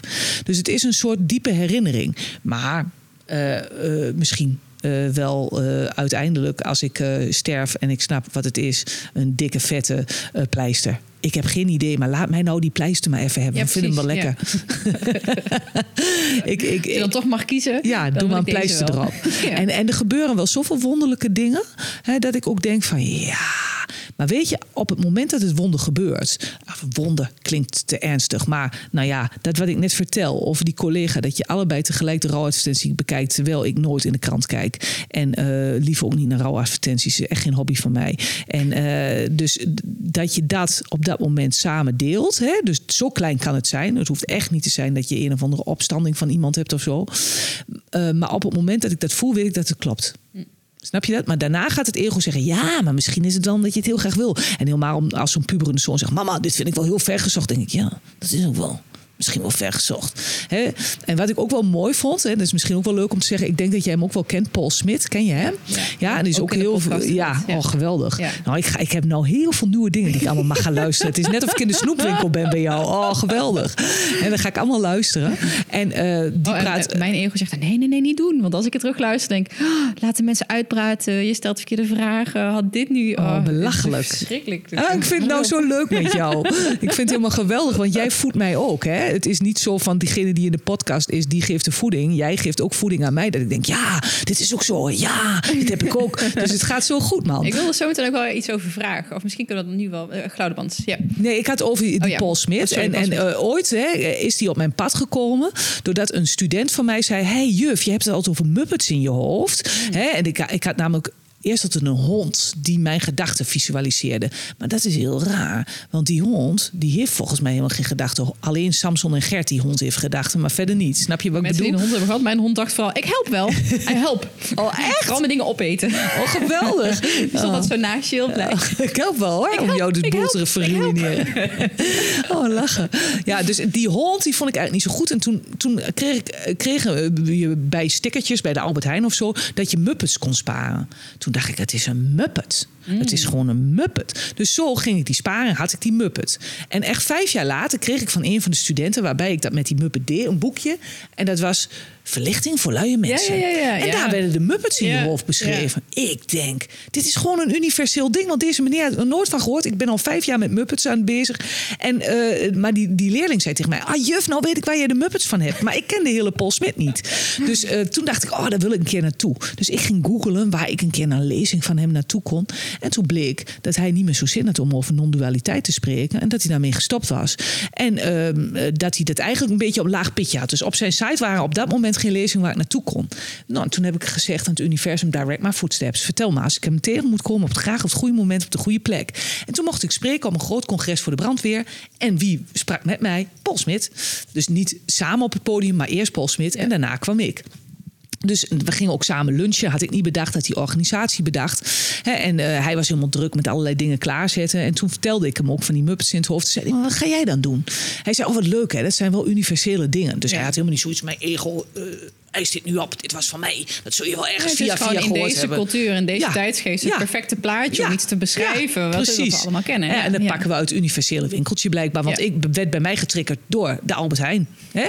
Nou, en uh, toen zei hij tegen mij van waar heb jij het dan over? Toen zei ik ja, maar ik denk dat jij dat een beetje te zweverig vindt. Want ik denk, ik, ik, dat non-dualiteit is een onderdeel van alle universele wetten die hier gelden, zei ik tegen hem. En ik geloof dan ook dat we een onderdeel zijn van een groot geheel en dat toeval niet bestaat. Dus dat met die vrije wil van jou, dat vind ik nog wel heel moeilijk. Hè? Iets in mij. Hè? Ik zeg dus, ik denk niet hè, dat jij hier helemaal uh, warm van wordt.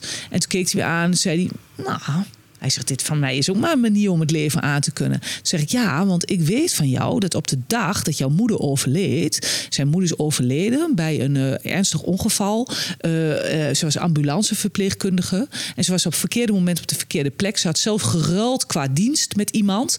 En toen was hij bezig om iemand van de snelweg af te halen. En daar reed iemand, die had de kruisen niet gezien, veel te hard. En die meneer die al op de brancard lag en zijn moeder werden allebei bij het ongeluk getroffen. Zijn moeder was dood. En hij spreekt daarover in de verwondering, is echt een heel mooi interview. Dat hij zei: Het had niet anders kunnen gaan dan dat het ging. en uh, ik ben dus ook nooit ervoor geweest, en mijn vader ook niet, zei hij, om diegene uh, die dat veel te hard had gereden, daar heel ernstig voor te straffen. Wel misschien een taakstraf. We hadden het idee dat je daar meer van leerde dan van in de gevangenis zijn. Maar dat hebben we ook losgelaten. Het moest lopen zoals het liep. Hij zegt: Dat betekent niet dat je geen verdriet hebt. Hè? Dan ben je super verdrietig, want je mist je moeder. Mm. Dat is gewoon het menselijk systeem wat aan de gang is. Maar je wilt dan niet hopen op een beter verleden, waar ik het net over had mm. met jou. En dat kan hij ongelooflijk goed toepassen. Dat vind ik heel knap. Mm. Dat vind ik echt het leven voor gevorderden. He, maar misschien is het ook een truc van hem. Snap je dat? Of een truc. Ja, of een truc die werkt. trucjes van ons, allemaal, allemaal. van ons. Om, uh... Dikke prima, maar het helpt hem wel. Door niet heel boos te zijn, want het is een ontzettende vrolijke, uh, energetische man. Het gaat ook al je energie door procederen en je hele leven daarmee bezig zijn uit je weg kunnen zuigen. Dat is niet gebeurd doordat hij er zo in staat. Maar ik zeg, het bijzondere, daar gaat mijn ego dan weer naar op zoek. Ik zeg is dat een aantal jaar later op Excel, exact dezelfde dag, exact hetzelfde tijdstip dat jouw moeder overleed, jouw zoon wordt geboren. Ja. En hij zegt ook, vind het wel een leuke, leuke goocheltruc van het universum of zo. Hij gaat daar een beetje met humor mee om. Ja, ja, ja. Maar ik denk dan wel, ja, en dat is voor mij zoiets. Oh, dat vind ik zo mooi. Dat vind ik zo gaaf, daar, daar, daar word ik stil van, laat ik het zo zeggen. Ik zeg, en daar uh, uh, heb ik veel oog voor. Misschien zoek ik daar wel heel erg naar, om de pleister, om het hier aan te kunnen. Maar ik hou ervan. Ik word zo blij van. Het is mijn joy. Het is, is misschien wel okay. waarvoor ik hier ben. Denk, ja, oké. Okay. We zijn onze, ons, ons systeem, ons, ons, onze hersenen, we zijn patroonherkennende machientjes. Ja. Dat vinden we ja. heerlijk. Weet je, 11-11. Ja, lekker. lekker. symmetrie. Ja, Geweldig. Symmetrie. We houden ja. gewoon echt van ja, symmetrie die mensen vinden we ook veel mooier, hè, die in symmetrisch gezin. Ja. Geweldig. Dus met die sterfdag en geboortedag, is ook symmetrie. Ja, en dan ook nog op hetzelfde tijdstip. Dat is zo miraculeus. En toen zei hij tegen mij... Dat vind ik ook heel bijzonder. En uh, hij zegt, ik ga straks naar je luisteren. Dus hij was echt van plan om bij me nog te luisteren. Maar dan zie je toch weer eh, niet om hem af te kraken. Maar hij dacht dat ik direct achter hem aan moest. Maar er zat nog weer iets tussen. Daardoor, als hij bij mij bleef, dan verliep hij misschien een afspraak mis of kwam niet in de file. Dus hij moest toch weg. Hij keek mij liefdevol knipoogend aan dat het niet met mij te maken had. Maar dat dit gewoon te lang duurde om te wachten. En hij ging weg. Dus uh, dat moest dat ook niet zo zijn. He, dan ja. vindt mijn ego dan ook van alles van, oh, wat jammer. En uh, had ik zo leuk gevonden als hij mij leuk vond. Die sees to please. He, uh, maar het was goed zoals het is. En ik heb ook heel veel van hem geleerd. En ik vind hem heel inspirerend. Dus het is niet zo dat binnen hoe ik kijk... dat non-dualiteit niet past. Maar ik geef daar weer mijn eigen schwung aan... zodat ik er wat mee kan. Ja, ja. ja heel en mooi. dat is niet goed of fout. Dat is hoe ik het leven aan kan. Ja. En, en, daarbij niet alleen hoe jij het leven aan kan, maar ik denk ook, eh, het is een rimpel-effect ja. wat, je, wat je doorgeeft voor degene die het op willen vangen, ja. die ervoor openstaan. Ja. Um, wat ik nog wilde vragen, we hebben het een paar keer gehad over uh, in flow zijn en in het moment zijn. En uh, bij jou is dat op een podium zijn. Wat ik zelf merk is dat in dit soort gesprekken, soms is er een enorme uh, connectie. Ik heb ook ergens, en dat is dan even heel persoonlijk, zit er ook een stuk in mij wat, wat soort van wat weg wil kruipen. Wat, wat er dan wat het eng vindt om die connectie echt, echt te hebben. Ik vind het woord connectie maken met mensen ook echt. Jeuk. Daar krijg ik echt Ja. jeuk van. Als mensen dat zeggen. Eh, maar toch merk ik wel van dit is mijn moment in flow. Mooi. En, eh, maar ergens is dat ook. Is het er een verlegenheid in? Ja. Zo. Maar dat Een maakt, ook, dit dat maakt ook waardoor je het heel goed kan. Snap je wat ik bedoel? Want als jij die verlegenheid niet had, dan pakte jij de voorgrond en dan hadden ze 68 keer dezelfde podcast van Janet. Snap je wat ik bedoel? Ja, Dit-. Dit is de perfecte skills die jij hebt om dit zo goed te kunnen zoals je het kunt. Oh, zo had ik het nog niet gezien. Ik dacht eerst van, oh, wat is dat dan? Weet je, dat het nog een beetje... Nou, oncomfortabel is niet eens het goede woord, maar verlegenheid. Ik denk dat Ja. dat het het beste beschrijft. Ja. Van, En, de- en dit is weer de zin die jij net zo net, mooi zei. Nou, en zo kunnen we het van achter mooi een betekenis eraan Ja, geven. precies, ja. En dan hoeven we er lekker niks meer mee. ja. Hè? En, en, en, en, en dat heeft ook weer te maken met vertrouwen. Dat het precies dat jij hier bent met een bepaalde reden. Hè? En eh, misschien is dat wel helemaal niet zo, maar dat vind ik wel lekker om te denken. En dat je mooie dingen de wereld inslingert. Want er worden al zoveel eh, eh, ja, negatieve dingen en zo. En dit is toch echt vanuit een goede intentie, vanuit liefde. Hè? Nou, daar hebben we behoefte aan in de wereld. Dat is, maar daarvoor moet je wel toegerust zijn om dat te kunnen. En jij hebt waarschijnlijk exact die eigenschappen, waar het ego ook weer wat van vindt, maar om dit heel goed te kunnen. ja. Ik denk dat dat het is. Hè? En, en, ehm, eh, eh, en dan gaat het ego dan weer denken: ja, ben je niet te verlegen? Natuurlijk mag je altijd groeien. Hè? Er is altijd een reden voor groei. En, eh, en mag je, als je zo'n interview aan het eind bekijkt, na die tijd, denken van: oh, misschien dit of dat. Hè? Maar toch je elke keer weer overgeven, want dat doe je wel. Wij zijn nu ook helemaal in flow. Ja. Hè? Want ik kan wel zeggen van ja, ik vind het op het podium het allermooist, maar ik vind het gewoon het allermooiste om het hierover te hebben. ja. ja. Het allermooiste van de hele wereld vind ik het om het hierover te hebben. Want dan eh, ben ik helemaal niet met de toekomst bezig en niet met het verleden. Maar dan ben ik in het nu. Dus dit is echt mijn favoriete hobby. En dan helemaal met mensen die het ook heel mooi vinden. Dus zo'n interview vind ik ook heel mooi. Maar ik zou niet goed op jouw stoel kunnen zitten... omdat ik graag op het podium sta. Snap Ja, je wat ja, ik bedoel? Maar dit is wel ook een favoriete plek van mij. Want met een podcast of zo verdien ik niks. Dat hoeft ook helemaal niet. En met een- jij ook Dat- niet. nee, nee, Hoe mooi is, dat? gewoon omdat ik het dit- gewoon lekker vind. Ik vind het zo fijn om hier, Ja. want je ehm, ook een beetje van, oké, maar wat is dan? Dat is een van de vragen die ik ook had van. Ehm, hoe weet je, wat je of je op het juiste pad bent? Want iedereen, je, veel mensen zitten vast, een burn-out, op zoek naar zichzelf, is natuurlijk een groot thema. Ehm, dus ja, wanneer weet je nou van, oh, maar dit is wat ik moet doen? En ik heb het zelf ook, want die podcast bijvoorbeeld, ik ben daar maar gewoon mee gestart anderhalf jaar terug. En ik weet eigenlijk nog steeds niet precies Wat je waarom. ermee gaat doen. Nee. Nou, het heeft wel een, een eh, plek gekregen binnen het bedrijf. Ehm, maar nog steeds, ja, maar wat is mijn missie dan? Weet je wel? Wat is dan mijn, mijn purpose? Wat, wat doe ik daarmee? En ergens denk ik, ja, ik doe het maar gewoon. Ja. maar toch wil ik daar dan graag een stukje betekenis aan hangen. Zo van, oh, want ik merk dat bij jou wel heel duidelijk zo van, dit is waar ik het liefste over praat. En ik wil daar ook dat, dat rimpel-effect, dat, dat uitstralen. Daar ben ik voor mezelf nog een beetje naar op zoek. Maar eigenlijk is het dit gewoon. ja, volgens mij doe je het al lang. Ja, eh, maar dan wil je dus daar, weer nog- woorden aan geven. Ja, ja. En dat is weer het ego, hè, die dan Ja. het heel duidelijk op een plaatje wil hebben.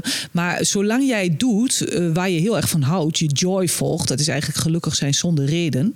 Ja, dat, dat je, ja, dat je eh, dus doet waar je heel erg van houdt, dan, eh, dan is volgens mij helemaal de, helemaal de bedoeling. Ja.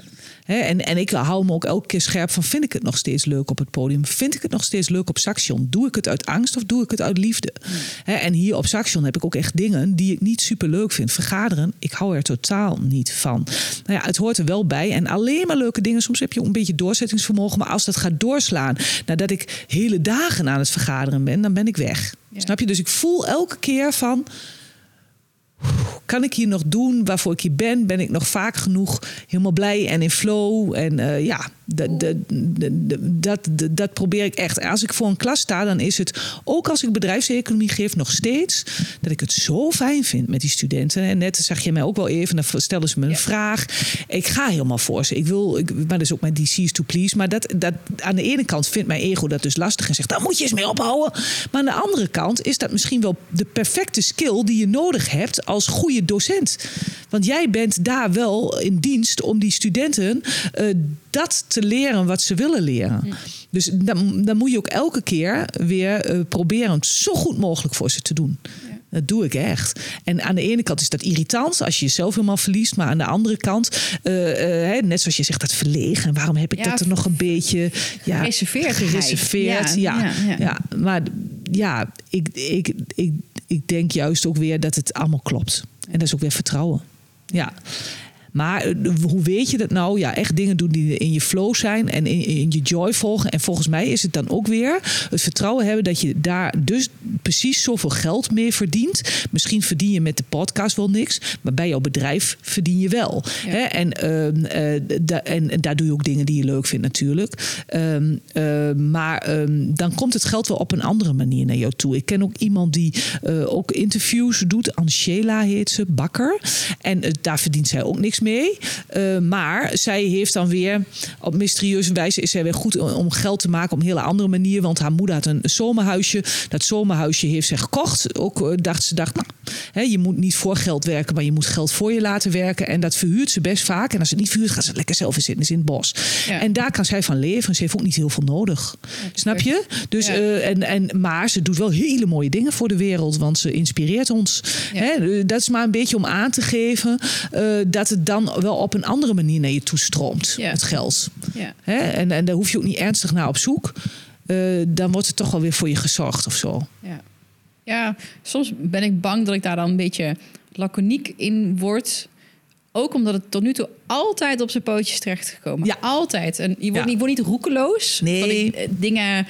Soms dan doe je een uitgave. Ik heb laatst een nieuwe auto eh, gekocht. Weet je, wel, dat is dan toch wel even, moest Ja. even wat geld wat eigenlijk voor de belasting was. Ja, die kunnen nog wel even missen. Dat is toch pas ergens eh, in het voorjaar. Ja, Maar dan zou je ook, een vriendin van mij, die doet het dan bijvoorbeeld weer totaal niet. Die spaart echt tot de laatste euro, tot ze het echt zeker heeft. En ik durf daar iets meer mee te spelen. risico. Is er- Ja. Ik denk, oh, het komt altijd wel weer goed. En dat is ook zo. Ja. Erg, hè? Ja, en als het niet goed komt, want wat is goed en wat is slecht? Wij labelen dingen, hè? Het kan best wel zo zijn dat het eh, misschien heel benauwd wordt eh, in het voorjaar, omdat je toch die belastingdienst moet gaan betalen. hè. Ik noem maar wat, en je hebt het geld niet. Maar dan nog in het moment ben je weer zo creatief ja, dat is het. Ja. dat je daar ook wel weer mee om kunt gaan. En misschien ook wel daar een les in krijgt. En denkt van oeh. Hè? En, maar dan niet bang worden, maar het ook wel weer in liefde kunnen zien. En denken van nou, er is toch eigenlijk altijd overvloed. En het komt hier ook wel goed in dit land. Ik had het er met. eh, ik, vind- ik vind het trouwens heel erg grappig dat ik nu over de eh, gasten heen die ik geïnterviewd heb, een aantal dingen zo terugkomen. Eh, jij zei letterlijk ook wat Patrick Kikker bijvoorbeeld zei: van eens kijken wat er vandaag eh, gezegd wil worden. Oh, mooi. Ja. Dat vond ik ook heel mooi. Dus ja, dat weet ik eigenlijk ook nooit van tevoren, wat er Nee. nu hier is ontstaan. En dan denk ik, oh, Patrick Kikker zei precies hetzelfde. Dus dat vind ik gaaf. Ja. En ook ik had een meid geïnterviewd en die ging het ook over jezelf vragen stellen. Ja. Eh, weet je, in stilte opzoeken. En zij deed dat dan schrijvend. Dus dan ging ze op papier een vraag schrijven. En dan mag gewoon vrij associëren, schrijven. En dan kwam altijd weer een antwoord. En denk ik, oh, wat gaaf. En ik hoorde jou het ook weer zeggen. En denk ik, oh ja, mooi om daar even weer Ja. aan herinnerd ook te worden. Ja. Van, goh, weet je, al die kennis is in ons gewoon Is aanwezig. er al lang. Ja. ja. En, en eh, ik herken het heel erg, want als je, eh, eh, ik ben dus degene die geïnterviewd wordt, dus ik kan mij niet voorbereiden. Snap je? Dat is Ja. heel lekker voor het ego. Want ik, ik, ik heb nog wel even een greep naar de macht gedaan. Ik dacht, ik heb zo'n opschriftboekje met allemaal dingen die ik, ik heel mooi vind. ja, hè? En, maar nu zit ik hier en dan heb ik daar lekker niks van gebruikt. En, of misschien ook wel, maar je kan alleen maar gebruiken wat je zelf al hebt ervaren. Hè? Je kan niet iets gebruiken, iets wat al bij jou resoneert. Dat kan je gebruiken, voor de rest helemaal niks. En, ehm, maar jij bent degene die interviewt. Dus jouw ego denkt, ik kan het gesprek en moet het gesprek sturen. Ik wil goed voorbereid zijn. Ik, en daar is niks mis mee. Dat is helemaal oké. Het is ook goed om je een beetje in te lezen, om wat vragen te, op te schrijven waarvan je denkt, ah, dit speelt nu. Ja, helemaal, eh, dan kan ik altijd dan ja, precies. Ja. En jij zei nu ook al een paar keer, oh, dat wilde ik ook nog vragen. Perfect, is helemaal niks aan de hand. Want dat past dan bij waar we nu in zitten. Maar er zullen straks aan het eind, als je terug zit in de auto, denken: Oh, dat had ik nog willen vragen. En dit had ik nog moeten doen. En daar had ik ook, oh, wat jammer. Maar als je dan maar kunt snappen en kunt lachen om het ego. en een dikke knippel kunt geven en denken: Jongen, jongen, jongen, eh, wat denk jij nou? Dat jij precies weet wat er aan de orde moet komen? Dat ontstaat. Dat gaat in de flow. Ja. En het is helemaal goed zoals het was. En als je achteraf luistert, dan heeft hij toch commentaar. Dikke prima, kus hem op de kop. En eh, zie dat, dat die eigenlijk niets weet. Als, je, als je God wil laten lachen, zeggen ze soms ook, dan moet je hem, en God bedoel ik dus niet meer een man met een baard en liefde, maar het grote geel wil laten lachen, dan moet je vertellen wat jouw plannen zijn vandaag. Want we hebben geen idee. We hebben geen idee. Ja. En, en als je dat ook een beetje kunt snappen. Maar ik doe exact hetzelfde nog steeds als jij. Want ik ga straks ook eh, ergens spreken. En eh, daar heb ik me toch een sheets. Ik heb er gewoon echt hè, eh, 50 sheets eh, voor klaarstaan voor drie kwartier. En eh, ik heb dat knettergoed voorbereid. De kunst is dan om daar te gaan staan. En de sheet aan te klikken waarvan je denkt, dit voelt nou zo. En dan kom je in de flow en het ook weer helemaal los te durven laten.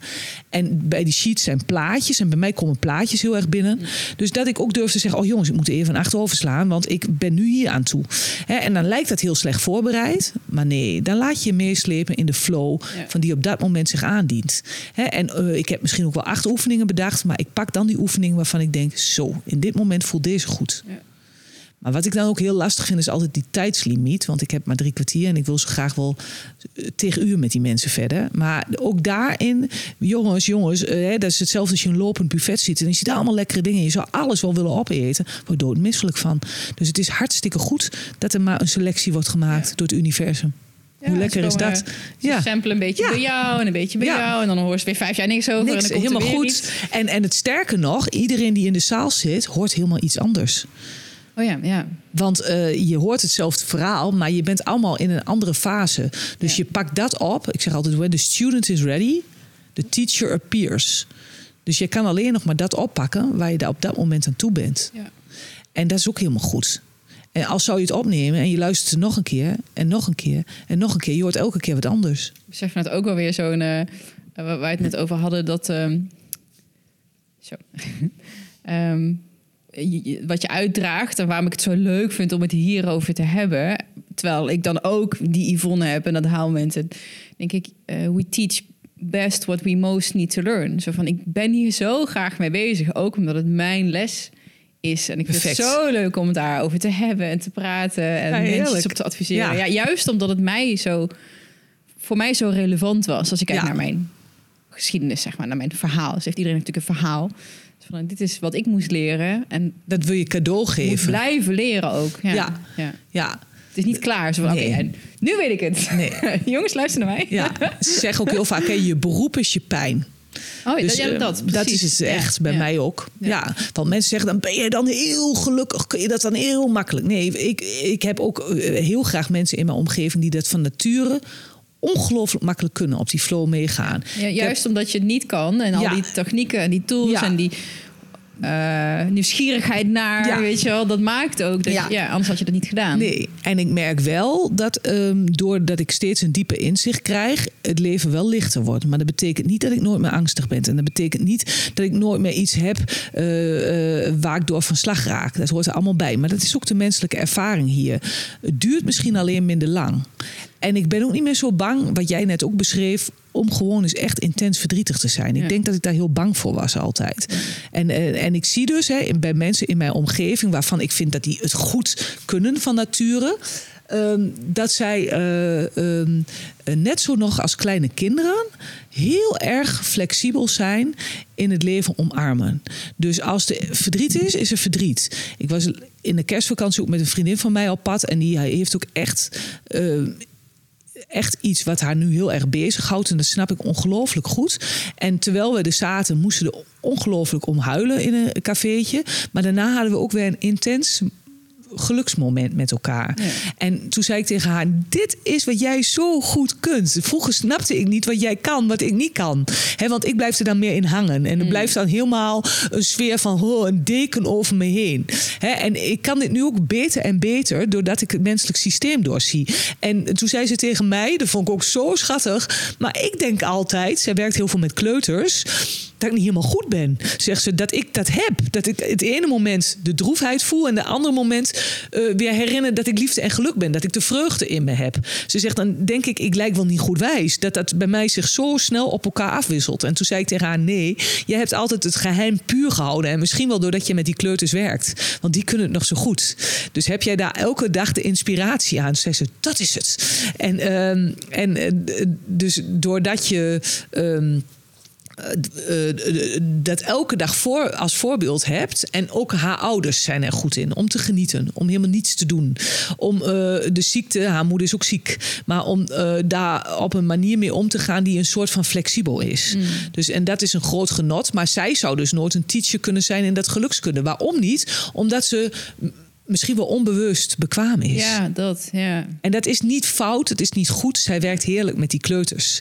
Hè, en, en toen werd er in het onderwijs steeds meer en meer druk op die kleuters gelegd. Ze moesten zus en zoveel letters kennen. Er moest een handelingsplan komen. Ze werkte op een basisschool waar veel ouders zaten die hoog opgeleid waren. Die zeiden, komt dat wel goed? Mijn kind van vier heeft een CITO-score van een eh, drie. En eh, wij hadden altijd vroeger één. En ik weet niet eens wat hoog is hoor. Maar de, de, helemaal in paniek. En toen dacht ze, oh, ik wil eigenlijk alleen maar spelen met die kinderen. Ik wil ze zo graag heel houden. Mm. Hè? En ik wil zo graag uh, ze dicht bij die kern laten. En ze werd daar zo gestrest van. Toen vond ze haar beroep niet meer leuk. Toen het ophoopte en ophoopte, zag je haar ook echt uh, zoekend zijn. En toen kwam er hier een school in, in Twente waar uh, kinderen van ouders die gevlucht zijn opkomen. Dus de kinderen kunnen nog helemaal geen Nederlands. Die leer je ook een beetje Nederlands met zingen. Maar daar zijn niet allerlei handelingsplannen, niet accreditaties, niet inspecteurs of ze genoeg letters kennen. Ze zeggen, ik heb mijn hele vreugde weer terug. Maar zo zou toch het hele onderwijssysteem moeten kunnen zijn. Dat we in liefde leren en dat we niet in angst leren. En dat we doorhebben dat gras niet harder groeit door er aan te trekken. En dat iedereen op dat moment op zijn ontwikkelingsniveau is waar die hoort. En, en als jij bijvoorbeeld uh, de het ene kind loopt met 12 maanden, het andere kind loopt met 18 maanden, dan ga je ook niet zeggen: dit wordt nooit een goede loper. Die met 18 maanden, wordt helemaal niks. Die is motorisch helemaal zwak begaafd. Nee, dan hebben we ook zoiets van: oh ja, dat is allemaal prima. Soms het constellatiebureau, zo noem ik dat altijd, die dan nog wel even zegt: het is wel heel raar dat hij of zij nog niet kan lopen. Ja, hè? En, um, maar um, verder, uh, naarmate we ze in de school stappen, dan moeten ze in de hokjes kunnen springen of uh, allemaal door hetzelfde hoepeltje. Ah, dat is, doet zoveel met het ego van de ouders, maar ook met het ego van het kind. Wow. En dat is allemaal frequentieangst. Mm. En, en wat nou als er niet hoog en laag opgeleide bestaan, maar dat iedereen hier precies komt doen waarvoor die is? He, want waarom zou iemand die een beroep met de handen doet laag opgeleid zijn? Die hebben we knetterhard nodig. En als dat is wat hij of zij mooi vindt. Maar in onze maatschappij eh, verdien je daar misschien wel minder mee. En als je minder geld hebt, dan denken wij dat je minder gelukkig bent. Maar het is helemaal niet gezegd dat iemand minder verdient. En het is sowieso niet zo dat geld gelukkig maakt. Dus oh, oh, oh, wat zijn er toch veel concepten hier die wij allemaal zijn gaan geloven. Inclusief ik. Want ik kan dit wel zo mooi zeggen, maar op het moment dat mijn zoon uh, het niet zo goed doet op school, ben ik ook in paniek. want ik heb ook het training. Ja, of tijdens de keeperstraining. Want dan wordt hij toch niet de nieuwe nooie. Ja. Hoe gaat het met mijn pensioen? Dus uh, belachelijk. Ik vond, mag ik zeggen wat er net gebeurde? Want ik, uh, je werd net echt heel erg geraakt. Ja. Door het, nee, oh, hij komt mij ook echt gigantisch binnen. um, wat is dat, denk, denk jij? Wat, wat, ja, degene die niet kijken, of nou, het is voor zo, volgens mij niet, was het niet echt heel zichtbaar. Maar je vertelde nee. over je vriendin die ja. zo mooi kan switchen tussen die, die emotionele staat, dat pure, denk ik. Ja. Uh, dat onbevangene wat daar dan in zit. Ja. Je ging bijna huilen. Ja, dat heb dus ik nu wel weer. Ja, dat is, en ik voel hem ook. Ja, dat, dat, dat het is um, uh, de herinnering aan thuis. Dat alles er al lang is. Mm.